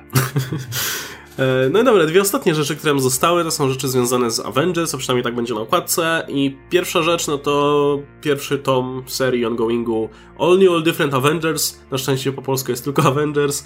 The Magnificent Seven, Siedmiu Wspaniałych. E, I to jest seria, gdzie mamy starych Avengers, czy raczej takich, e, tych już takich, znaczy Aven Avengers będących dojrzałymi ludźmi, ale z krótkim stażem, jak Nowa Thor, jak Falcon na przykład, jak zrestartowany ostatnio Vision, ale też mamy e, Iron Man, który tutaj przez jakiś czas wydawałoby się, że będzie cent w centrum uniwersum, ale jak się okaże później, to jednak nie. E, ale poza tym mamy też tych nowych bohaterów, jest sam Alexander Nowa, jest Miles, jest e, Miss Marvel, także no takie... Mm, powiedziałbym, że dla młodszych czytelników słabe. jednak... To było słabe. Miał kilka dobrych motywów. Co było w pierwszym tomie? Co tam się działo w ogóle? Jest, wiesz, że ja ledwo Nie mam zielonego co... pojęcia już. Ja pamiętam, co było w tej późniejszej, ale Później w tej coś tam już... z tym Visionem, co z tym Kangiem skakał. Tak, tak, jeszcze tego Kanga pamiętam, ale w tej pierwszej serii to nie pamiętam za cholerę, co... A wiem, że oni tam potem polecieli gdzieś walczyć z Anihilusem i to było nawet okej. Okay. Eee, coś było, ale to ledwo To było pamiętam. spoko, to było fajne, ale wcześniej nie pamiętam, ja co pamiętam... się działo za cholerę. Niech to będzie rekomendacja. Pamiętam ten zeszyt, jak się Doom pojawił i to było spoko, jak, e, jak Spider-Man jeszcze dołączył i Wasp tam się nie lubiła ze Spider-Manem, ta nowa, ale za to była kompletnie fangirl Duma. To było spoko. A to też była jedna historia, gdzieś jeden zeszyt, ale to ogólnie była słaba seria. Eee, nie mam pojęcia. Nie, nie pamiętam nic z tego. A Falcon i Thor mieli romans przez pół zeszytu. Eee, no nie, szczerze, jak jesteście fanami tych młodych postaci, to jak chcecie je poznać trochę lepiej, no to dobra okazja, ale sam komiks jest bardzo taki sobie. To ja już bardziej bym tą drugą, tę, tą zrestartowaną nieco później serię polecał, bo z tej absolutnie nic nie pamiętam. No ale jako Avengers jest tutaj też podane standoff, który był bardziej eventem wynikającym z Captain America Sam Wilson. Um, i później ze standów wychodzi też Steve Rogers, Kapitan Ameryka, więc podejrzewam, że ten standoff jest rzucony przede wszystkim po to, bo potem będą chcieli... A z niego Secret Empire... Tak, tak, że będą chcieli kontynuować Steve'a, a potem tak. zrobić Secret Empire. Też ma sens. Wydaje mi się, że ze standów chyba się można dowiedzieć wszystkiego, co trzeba wiedzieć. E, tak. Falcon się... Po... Znaczy Falcon, Kapitan Falcon pojawia się też w Avengers, jeśli ktoś chce go znać lepiej. E, szkoda, że ta seria sama nie wychodzi, ale o tym też pogadamy za moment. Natomiast standoff było spoko, z tego co pamiętam. E, wydaje mi bo Stanów nie było swoją serią. Tam był Stanów Omega, Alpha, Alpha Omega i pewnie będą zaszyty e, sama gdzieś tam wplecone, jakieś tam e, Shield czy coś takiego, nie? Tam coś Aha. takiego się działo. Więc jak dla mnie warto. Wydaje mi się, że te, to standoff to jest lepszy, będzie lepszym tomem Avengers niż którykolwiek tom Avengers w ramach Marvel na 2.0 tutaj to było spoko. I to jest też takie, powiedzmy, jeżeli chcecie śledzić tą główną linię, wiecie, po eventach, no już Marvel trochę dzisiejszy to od tego odszedł, ale wtedy jeszcze się tego trzymał, że to kurde, miał niezłe eventy, bo było to, a potem było Secret Empire, które też było fajne. No to, to jest, to jest y, linia prosta. Standoff, Kapitan, yy, Secret Empire, no to po prostu musicie to przeczytać, jeżeli chcecie w samym środku wydarzeń Marvela być, to to jest ta główna historia, no. Tyle. Jest zabawne, że polscy czytelnicy, znaczy polskich czytelników kompletnie ominął stary Steve. Jakby wiesz, nie, nie, nie było jego serii, e, więc, e, więc on się zestarzał, gdzieś tam pojawiał się w tych eventach już stary. Pamiętam, że ludzie pisali na grupach, hej, co się stało w zasadzie, gdzie to, gdzie to się działo. A teraz nagle dostaną standoff, gdzie Steve nagle wraca do siebie i tak, okej, okay, to, to się zdarzyło w, kiedyś tam w Marvelu. A potem natychmiast staje się nazistą. Ups. Ups. Ale to jest pierwsze zeszycie, więc to nawet nie jest duży spoiler. Zresztą tak. wszyscy sobie tak pamiętają, nie? Wiedzą, wiedzą, widzieli okładki Secret Empire. Wszyscy widzieli memy. No. Tak, już nikogo to nie dziwi. No ale słuchajcie, no tak sobie przejechaliśmy przez tę serię i wygląda na to, że większość z nich jest, nadaje się do czytania jak najbardziej, więc myślę, że całkiem niezłe, niezłych wyborów tutaj Egmont dokonał e, przy okazji tych serii. No bo są tutaj pozycje takie obowiązkowe typu Spider-Man czy X-Men, które wybitne nie były, ale fajnie, że włączyli tego Visiona na przykład, fajnie, że chcą, wiesz, tak jak tego Moon Knighta powiedzmy wcześniej, e, który też nie jest zbyt popularną postacią, ale to jest taka pozycja, która myślę, że fajnie rozszerza katalog o takie pozycje, które mogą zainteresować ludzi, którzy niekoniecznie superbohaterów specjalnie śledzą. A poza tym też superbohaterstwa też jest wystarczająco, myślę, sporo. Jak, jak, jakbyście ja tak ogólnie, dodać, też tak zadam pytanie, jakbyście tak ogólnie w takim razie ocenili ten, ten wybór? Znaczy, ja mogę powiedzieć, że to jeszcze był ten moment przy tych seriach jeszcze, że tak powiem, doradzałem i wszystkie te serie, które są tutaj, to były te, które gdzieś tam na tych listach, które układaliśmy się znalazły, bo było jakby kilka tych list, więc która ostatecznie na dłuższą metę została uwzględniona, to nie wiem. Natomiast te wszystkie były, to są wszystkie serie, które były na liście, powiedzmy, trzeba wydać, e, jeżeli idziemy minimalistycznie. I chyba poszli tą drogą, dlatego że słyszałem, że będą chcieli przyspieszyć, bo mają możliwość tak, żeby te legacy, które było jakiś czas temu, już za stosunkowo krótki czas wydać. Więc wydaje mi się, że poszli tą minimalistyczną wersją. To jest dokładnie ta lista, którą pamiętam, jak jeszcze pomagałem przy układaniu, która była ta minimalistyczna właśnie jedna seria z X-Men, żeby była jedna stąd, żeby te minimum, więc no ja tutaj nie mogę nic więcej powiedzieć, bo sam pomagałem przy tym, więc nie będę mówił, jak dobrze to wyszło. Moim zdaniem wybór jest całkiem niezły. Jak gdyby zaskakuje mnie brak właśnie, jak mówiłem, X-Men 92, jeśli chodzi o Tajne Wojny, ale ogólnie y, oceniłbym go bardzo dobrze. Jest kilka słabszych i lepszych komiksów, ale wydaje mi się, że oddaje Marvel Now 2.0 idealnie, taki, takim jaki był. Więc ja tutaj nie mam żadnych, żadnych większych uwag. Niektóre komiksy, jak na przykład Avengers Standoff, ja bym, jeśli chodzi o jakość komiksu, to ja bym miał wątpliwości, bo mi tak znowu się bardzo nie podobał, ale y, jeśli chodzi o ważność wydarzeń, które się dzieją w samym komiksie, no to musisz jak tak naprawdę to puścić.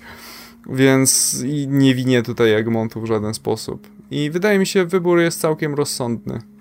E, jeśli chodzi jeszcze o komiksy, które będzie można dostać w ogóle w Polsce w ramach, e, w ramach tych rzeczy, które w, z All New Different Marvel się pojawią, no to konkurencja, czyli Hachette w ramach wielkiej kolekcji komiksów Marvela wyda też e, Spider-Woman, wyda Ultimates, Black Panther, Karnaka, Squirrel Girl, Punishera, E, A-Force, Moongirl, Daredevila, Patsy Walker i Black Panthera, więc fajnie, że te pozycje się nie powtarzają i są tutaj no, wiele z nich takich, których myślę, że Egon by nie ruszył. Sprawda będą niestety tylko pierwsze tomy, ale zawsze coś. Natomiast... Ale chyba w przypadku Karnaka to jest zamknięte. Tak, tak, w przypadku Karnaka tak. Black Panther to też jest Black Panther, e, a nie, okej, okay, dobra, no nie. Ale, ale wydadzą tam jeszcze drugi tom, też, też Black Panthera, więc spoko.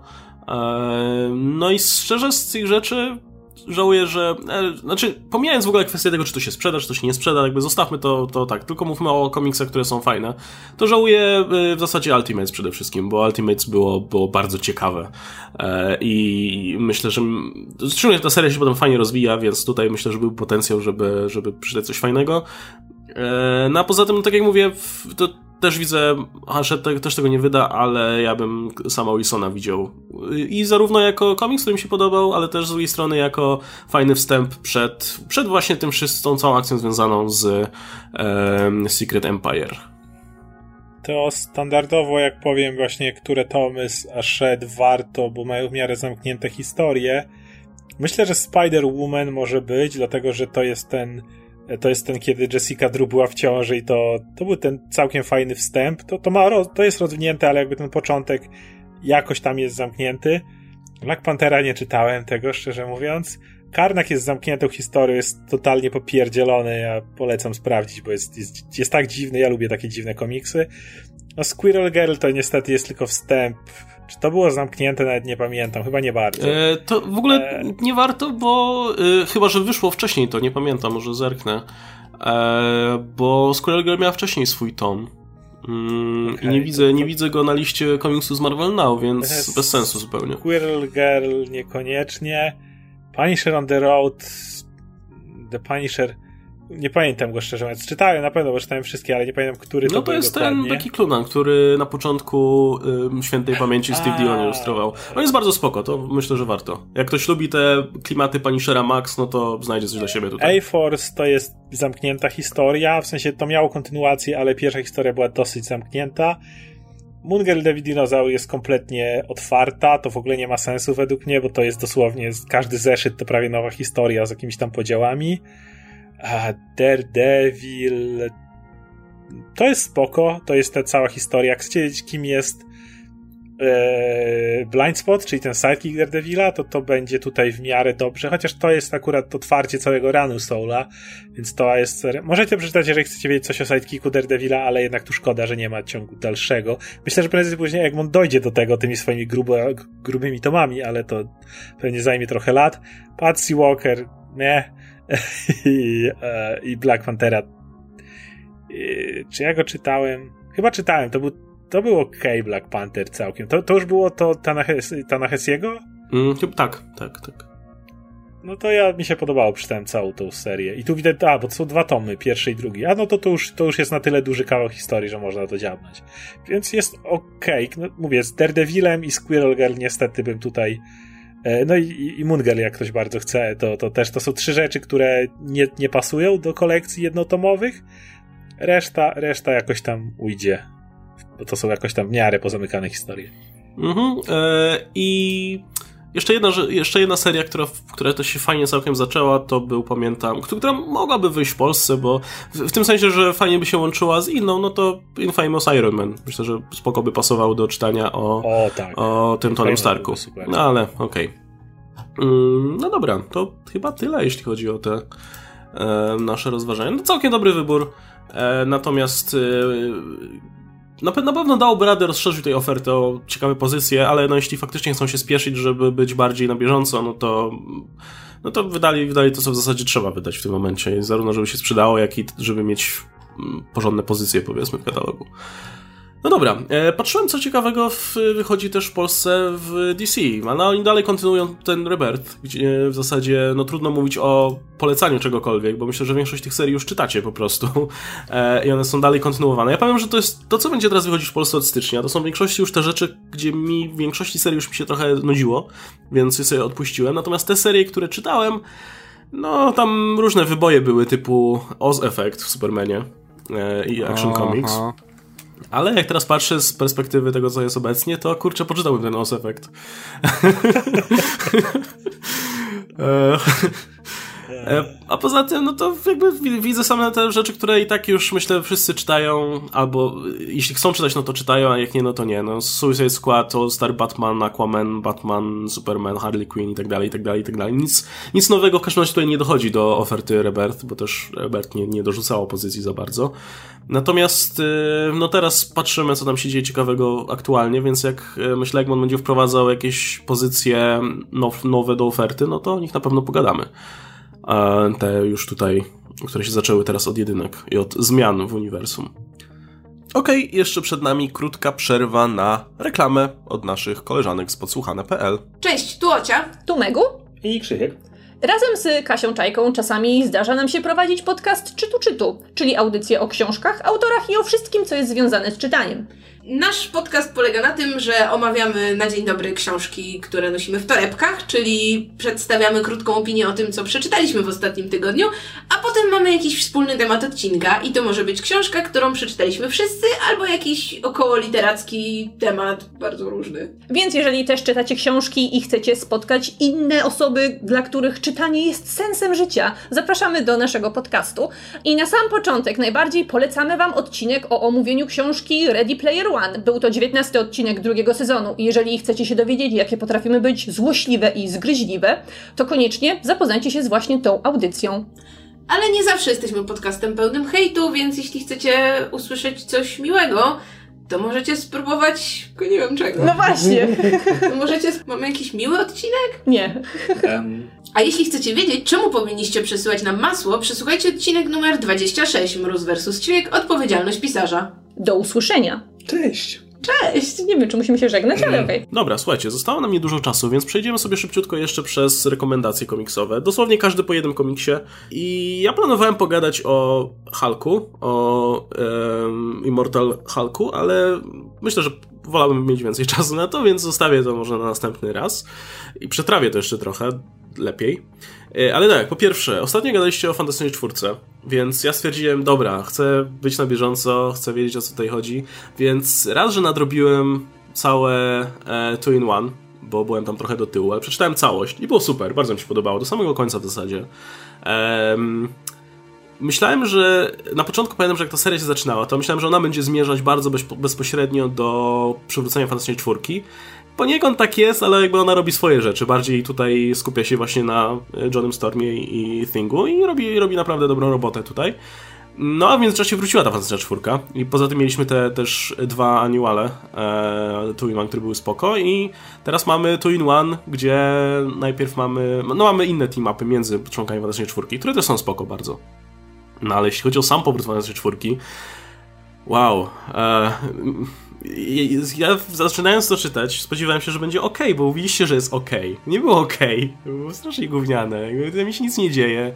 E, z jakiegoś powodu Dunslot nie, nie wiem, Dunslot nie lubi bardzo chyba Sue Storm, bo ona jest traktowana jak żart w tym komiksie.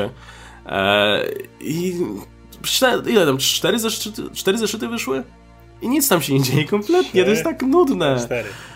O, I w ogóle najgorsze, najgorsze jest to właśnie dla tego komiksu, że ja miałem to przejście z stylu Chipa Zdarskiego, gdzie były świetne dialogi i było też właśnie masa serducha w tych, w tych dialogach. Jakby te postacie naprawdę wydawały się bardzo wiarygodne.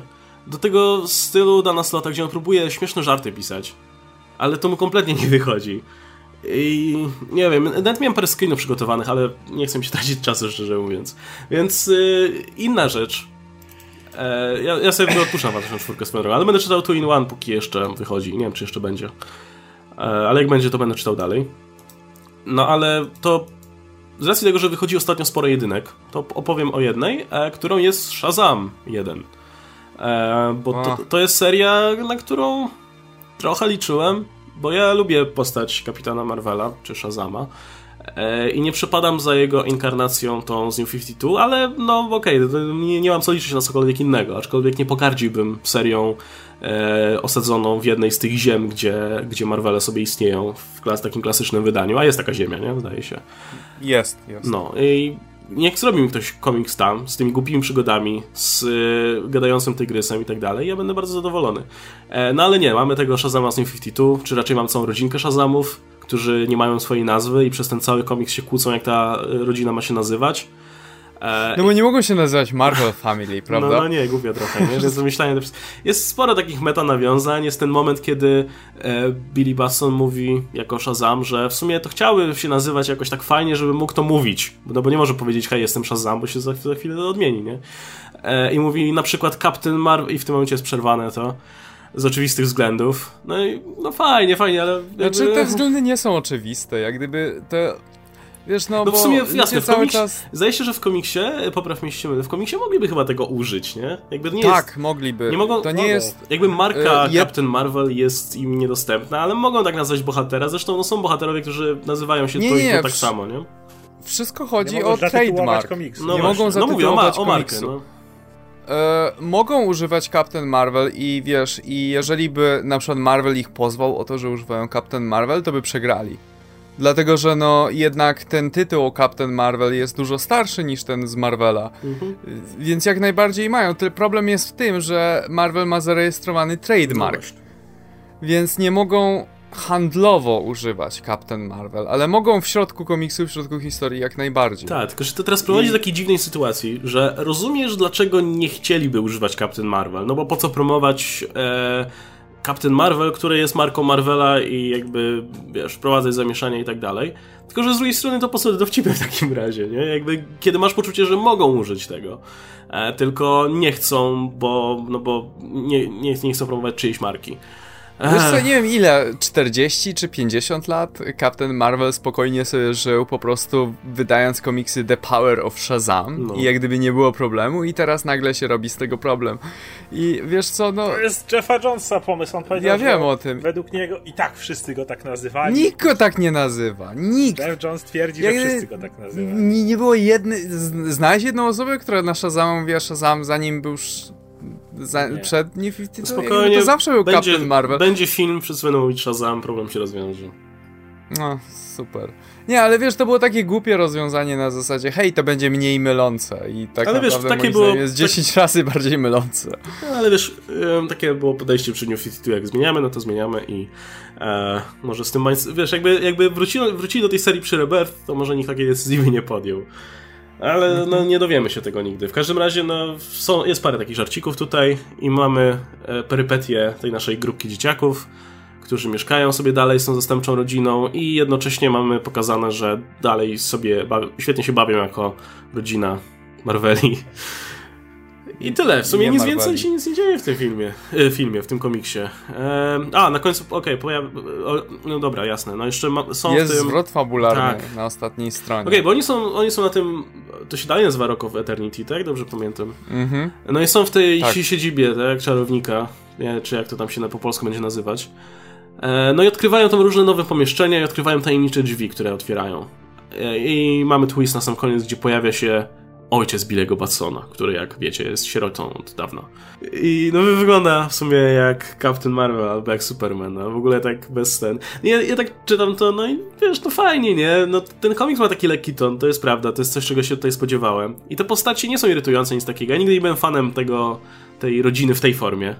Eee, jak już, to wolałbym, żeby jednak został po prostu Shazam i tyle. Ewentualnie, no, ten, Freddy jak, jak się nazywał? W ogóle nazywał się jakoś w tej w New 52? No bo oryginalnie to, to jest Captain Marvel Jr., nie? Więc tutaj co, Shazam Jr.? Nie, chyba po prostu mówili Freddy. Okej, okay, no to... Nie jestem pewien w tej chwili, ale wydaje mi się, że mówili po prostu Freddy. Wolałbym po prostu tą dwójkę, ewentualnie Mary jeszcze, no bo to też jest w miarę popularna postać i tyle, a tutaj Tak, całą... Mary Marvel, nie? No. Teraz po prostu Mary. Teraz po prostu Mary i tak głupio się nazywać Mary po prostu. Ty się nigdy nie nazywałeś Mary, tylko Mary Marvel. Może dlatego jest głupio. Okej, okay, ale no nie wiem, no spoko, no jakby kombinują nowych rzeczy z tym, jakby Mary jest trochę starsza niż ta, Jezu, jak ona się nazywa, -hmm. niż ta, ta czarnoskóra dziewczynka, więc te relacje są trochę inne. Jeden jest nerdem, no bo musi być nerd i oczywiście ten, który jest nerdem jest, jest Azjatą, no bo wiadomo. Eee, I okej, okay, no ale kurczę, przeczytałem ten, ten komiks i to jest pierwszy zeszyt i mnie nic absolutnie tam nie wciągnęło. Ani te postaci nie wydają ciekawe, ani nie widzę tam żadnej jakiejś intrygi, bo co, co mnie obchodzi z, z tym ojcem? Ciekawe, że ten ojciec to jest w ogóle, jak ktoś się podaje za niego pewnie, albo coś takiego.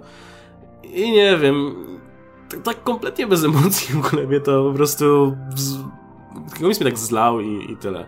Więc yy, liczyłem, liczyłem, że się będę dobrze przy tym bawił, że to będzie trochę ta inna seria, która będzie trochę poza tym wszystkim, co się dzieje w uniwersum. No i tak niby jest, ale to w jaki sposób to jest pisane. Jeszcze, jeszcze to jest rysowane jakoś tak jak typowe superhero, taki taki bardzo typ, typ, coś, coś, co wygląda jak Superman, a jednak do... I nie pasuje, kompletnie nie pasuje do historii, no. bo historia ma być tą radosną tak, tak opowieścią tak, tak. o dzieciakach, którzy próbują być superbohaterami i jest rysowany tak hiperrealistycznie, co tak kurde Tak, gryzie. i właśnie, a propos tego, potem masz tą śmieszną historyjkę taką króciutką, która jest znacznie lepsza niż cały komiks, no.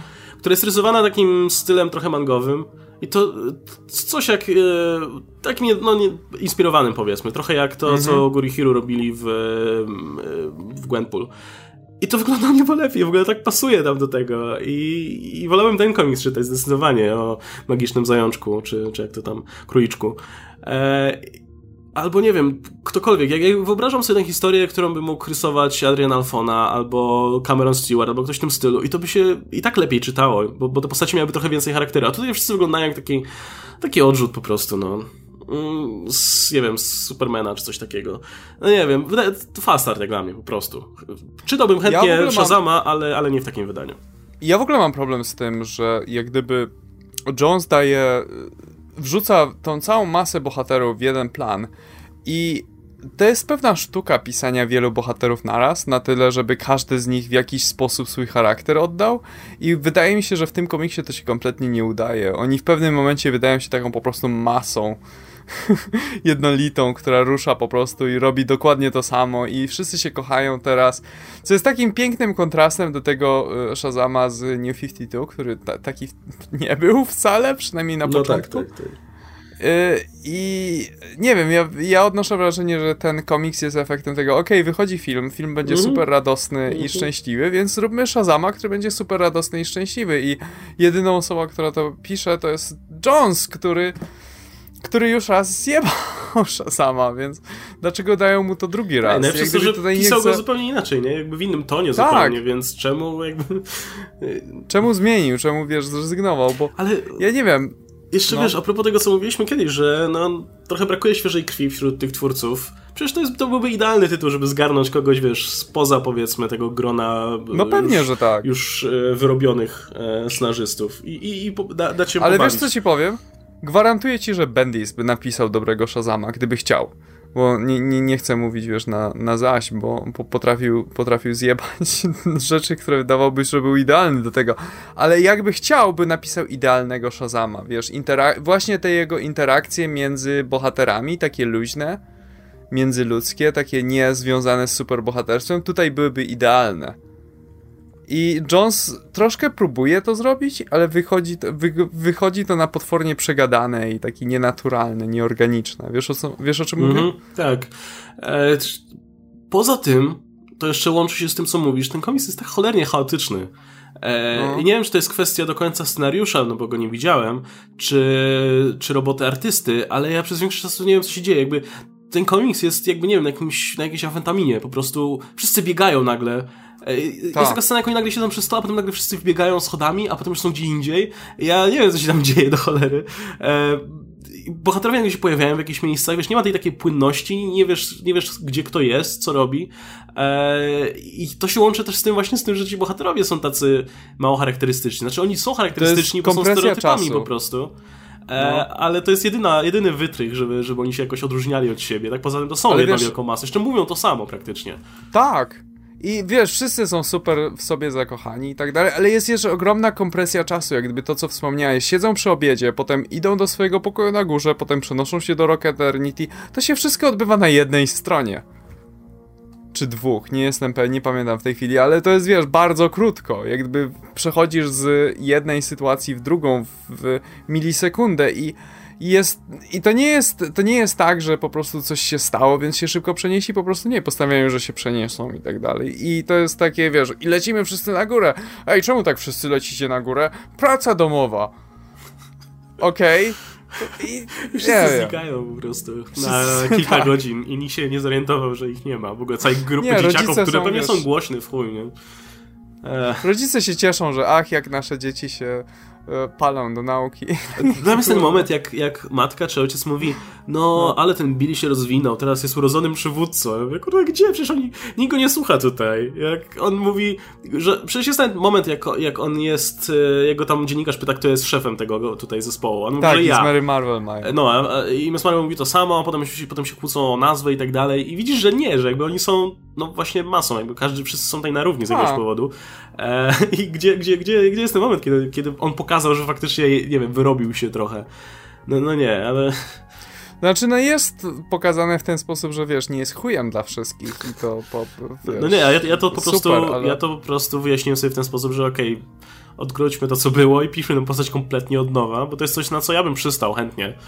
E, już, ale, ale może o to chodzi faktycznie, może to jest ten rozwój, o którym mówi, że już jest po prostu spoko. Dobry komiks, nie mniej. No, nie polecam. 2 na 10. Dobry komiks 2 na 10, no. Okej. Okay. No, to ja chciałem o drugim takim komiksie powiedzieć, mianowicie Doomsday Clock 8. O kur... Dawno nie najnowszej, było.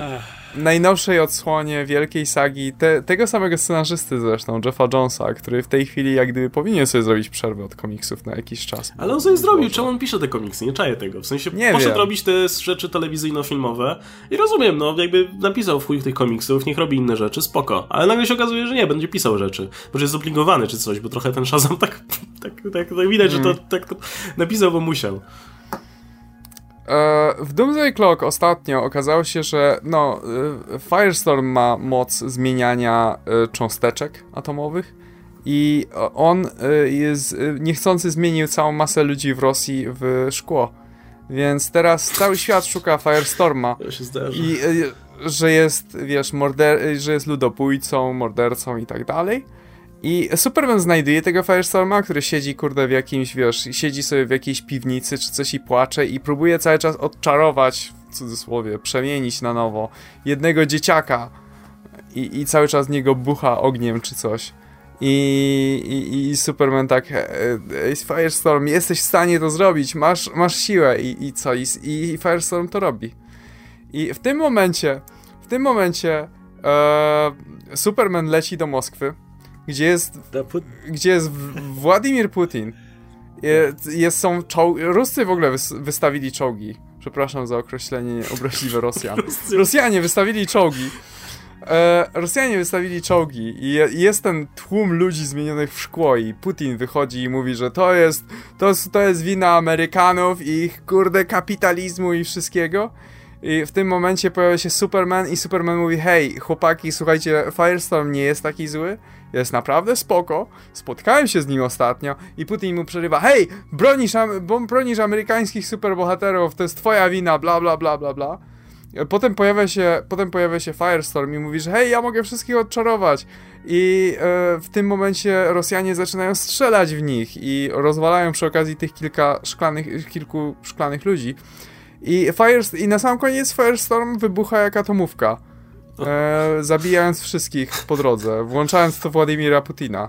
Co jest interesujące. Ale to nie, ale to nie Proszę... Firestorm sam wybucha, tylko kto? Kto? Co rozsadza Firestorma? No co Powiedz to. Ty, ty, ty to powiedz. powiedz. No Batman krzyczy w pewnym momencie, to nie Firestorm, ten spike energii, to wielka, niebieska tak, no, siła. No, oczywiście. Znaczy wiesz co, no jest, jest też taki moment, że właśnie Superman daje swoją motywacyjną przemowę do Rosjan E, I, e, i, I Batman równocześnie, wiesz, wysyła mu przez jakieś radiowe sygnały, wysyła mu e, taki voice chat, że przestań gadać, wszystko spierdolisz, nie, nie rób tego, to nie jest Firestorm. I tak, i w tym momencie Firestorm wybucha i wszystkich zabija. I na, na, oczywiście wybucha na niebiesko. Więc wie, wie... Tam nie chodzi o to, że to nie jest Firestorm, tylko że ten energetyczny spike to nie od Firestorma, tylko skąd inąd. Uuu, ciekawe, ciekawe, skąd. ciekawe kto. Ciekawe, kto może pociągać za sznurki. I na sam koniec jeszcze jako ostatnią stronę masz Ozymandiasa, który sobie siedzi przed telewizorem i o tak, dobrze, wszystko zgodnie z planem, muhaha. Dzieje się. Ten komiks się... Ja nie, że to streszczać, nie muszę to potem czytać tego. No. Ja nie no. wiem, czemu ja to czytam. Ja też nie wiem, jakiś, nie wiem, syndrom sztokholmski. Wiesz, ja nie czytam już prawie nic z DC, ale czemu ja to, nie wiem, czemu ja to czytam, bo nie wiem, czy to jest coś innego. Na przykład Shazam. Ale e, Green Lantern od Morrisona jest wciąż świetny, więc polecam. No, muszę drugi zaraz przeczytać. Mówiłem, że jeszcze, jeszcze dam szansę. E, to ja tak szybko. Venom jest dalej absolutnie rewelacyjny. Kto by trzy lata temu mógł powiedzieć, że Eddie Brock jest niesamowicie fascynującą i złożoną, głęboką postacią. Jest cudowny, nowy Venom, ale nie będę teraz w niego wchodził. Jest pierwszy zeszyt nowy Winter Soldiera E, pisze go scenarzysta, którego nie znam. E, już wam mówię, to jest e, Kyle Higgins. Nie, nie kojarzę go znikąd. Jest spoko. Idea jest taka, że Bucky i Sharon mają specjalną agencję dla ludzi, którzy chcą e, mieć drugą szansę wydostać się od swojego życia. Na przykład członek Hydry, który już nie jest w stanie patrzeć w lustro każdego dnia, nie? i jest w stanie się z nimi skontaktować i oni mu załatwiają nową tożsamość, przenoszą go do innego miasta i starają się mu założyć świeży start. No to jest jakby w duchu kim jest Winter Soldier, nie? Więc pomysł fajny. Zobaczymy jak się rozwinie. Pierwszy numer to jest prolog, nic więcej nie da się powiedzieć, bo chcieli pokazać nową robotę Bakiego, ale pomysł fajny. Um, natomiast ja chcę powiedzieć, e, chciałem powiedzieć o Runaways, ale też chcę więcej czasu trochę, więc nie dzisiaj. E, bo to tak trochę a propos Visiona, bo tam postać jedna związana z komiksem Vision jest, jest kontynuowana, ale, ale to e, innym razem. Powiem dzisiaj o innej serii, jaką jest Iron Fist. Iron Fist, trzy zeszyty, ale to w tej serii, mówiliśmy swego czasu, że Marvel robi teraz te tylko cyfrowo, ale podwójne zeszyty, czyli de facto jest to trzeci zeszyt, ale w sumie szósty, no bo idą po dwa. Ja nie jestem pewien, czy ta seria jest dobra. To jest najdziwniejsza seria, jaką czytałem od lat w sensie, jeżeli e, mieliście serial Iron Fist i był w nim dużo spotkań w biurach i generalnie jakiś narad sal konferencyjnych i generalnie takiego czegoś, to wyobraźcie sobie coś, co może być tego przeciwieństwem. Takim tak bardzo przeciwieństwem, że bardziej się nie da. W sensie coś, co jest, wiecie, to było tak proste i zwyczajne, to sobie coś kompletnie w drugą stronę. Spróbuję to streścić. Więc dany rant na początku E, stara się uratować jak jednego dzieciaka, którego w wesołym miasteczku. Nie udaje mu się, dzieciak spada i umiera w czasie walki z Wrecking Crew. Później widzimy tego dzie dzieciaka, mimo tego, że umarł, że wstał i chodzi po mieście i spotyka się z różnego rodzaju fałszywymi jasnowidzami. I od tego momentu zaczyna się dużo dziwniej, bo jak zaczyna ich dotykać, to ich ręce zaczynają się tak wyciągać jak jakieś drzewa, jakieś tak wyglądają dziwnie jak korzenie i się, ich ciała zaczynają się splatać jak e, trochę jak w Animal Manie były te istoty z Rotworld, trochę podobne, choć bardziej pokręcone. I ten dzieciak tak chodzi po całym mieście i tych wszystkich wróżbitów przerabia w jakieś takie wykręcone potwory, które nie wiadomo gdzie ręka, gdzie noga, w ogóle co, co jak to wygląda. Po czym spotyka się z danym randem, jest cały odcinek, że on mu przejmuje rękę, tą której Iron Fist. Pół odcinka dany rand okłada się własną pięścią. Potem on odcina tą rękę i ta ręka zaczyna biegać jak w rodzinie Adamsów. I on tylko jest pełna chi, więc dany rand walczy z własną odciętą ręką. Okay. Potem... Evil Dead. potem Jak Co? Evil Dead 2. no, coś takiego, tylko wiesz, pełna chi. Później pojawia się Luke Cage i ratuje danego, y, ale na krótko, bo ten gość, ten demon, który to jakby wyszedł, on chciał opętać ciało danego, ale zamiast tego bierze ciało Cage'a i zabija danego. Dany idzie do piekła tego gościa, gdzie są wszędzie jakieś takie dziwne stwory, jest w ogóle pokazane piekło, gdzie kłamcy wiszą powieszeni za języki, a mordercy tam, to jest pięknie zilustrowane w ogóle, takie totalnie dziwnie, jak na to patrzysz. Dany dogaduje się tam z królem tego piekła, że ten gość, który jest na zewnątrz demon, to w sumie jakiś poniższy demon, który po prostu się wydostał i on nie miał prawa się wydostać, więc Dany wyjdzie i, i go ściągnie z powrotem. Więc wychodzi na zewnątrz, znowu bije się z tym kolesiem. Nie jestem w stanie opisać, co się dalej dzieje, bo to trzeba zobaczyć, bo to jest jakaś splątanina mas ciała, która w ogóle nie wiadomo, co się z nimi dzieje. No i na końcu każdy wracają do piekła i, i, i, i, i, Dany umówił się z tym kolesiem, że wszyscy, których on dotknął, wrócą do normy, w tym ten mały chłopiec, który umarł, więc mały chłopiec znowu żyje i on go odstawia do mamy i happy end. Ale ten komiks jest tak dziwny, przez to jak on jest narysowany, te istoty, które tam są narysowane, co, to jest, ktoś miał tak chorą wyobraźnię, kto, kto to po prostu ustawiał. Czy ta ilustracja piekła i tego wszystkiego, to jest tak, mówię, przypomina mi trochę Animalmana, ale bardziej dziwne. Co mi się natomiast tym wszystkim podoba, to że Dany jest dalej pisany jako Dany. Jak ktoś oglądał serial, to niestety nie ma pojęcia, kim jest Dany, bo Dany jest taki, że on może trafić do piekła i stwierdzić, dobra, to komu mam tu wpierdolić, żeby się stąd wydostać? To, no, kto, kto wyskoczy? Jest te motywy takie, że na przykład o, możesz przejść tam. To jest most, przez który przechodzą dusze i się reinkarnują, ale żaden z nich nie pamięta swojego poprzedniego życia, bo to byłoby zbyt bolesne, a dany, dobra, zawsze musi być ten pierwszy raz. Dawaj, gdzie ten most? I to, to jest dalej dany rad, po prostu to jest koleś, który może się wszystko dziać, a dalej, dalej powie, dobra, to gdzie jest tutaj? Który tutaj? Kto, kto tutaj mi powie, gdzie wyjść? I to jest, to jest fajne, że masz tego danego, który jest tym, tą stałą, w tym całym po prostu chorej plątaninie ciał, w ogóle jakiś ten Luke Cage, który potem biega przerażony, nie wiem, mówię, to, to trzeba zobaczyć, bo to bez, bez wizualnych tych to, to nie robi po prostu. Jest, jest na przykład, zresztą wrzucę tutaj, może, może wrócisz też na ten, jak wygląda, nie wiem, Luke Cage, który jedzie z ekipą na danego. To jest ja, ja po prostu lubię takie dziwne, takie dziwne rzeczy przyciągają, w takie komiksy, w których jest to tak dziwne rzeczy. Mówię, Dany, który walczy ze swoją odciętą ręką, która się gdzieś tam rozciąga. Czy ten komiks jest dobry, ciężko powiedzieć, ale jest tak bardzo dziwny, że dawno nie czytałem czegoś tak dziwnego. I ktoś mi ej, Iron Fist, nie? To ten od Kung Fu i walczy z smokami i mistrzami Kung Fu i nagle coś takiego, więc... Nie, to brzmi ciekawie. Jakby samo to, że dany Rand, którego umiejętności są ściśle powiązane z jego dłońmi, musi z nimi walczyć, jest, jest e, fajnym pomysłem. No, dokładnie, więc jak ktoś lubi weird shit, ale taki bardzo, bardzo, bardzo weird, no to to już wyszło w całości, bo to są te trzy zeszyty. E, Okej, okay, widzę, że to się nazywa, jakby pełna nazwa jest Iron Fist Phantom Limb. Tak. Tak. No okej, okay, to ma sens, skoro w kontekście tego zapisać. E, I z tego co widzę, bo zacząłem sobie googlować, e, autor Clay MacLeod Chapman e, mówi, że inspiracją do tej serii były takie rzeczy jak Evil Dead 2, no, bez, bez, bez niespodzianek, Neverending Story, They Live, Exorcist 3 e, i The Thing, co myślę, że jest naprawdę dobrą inspiracją.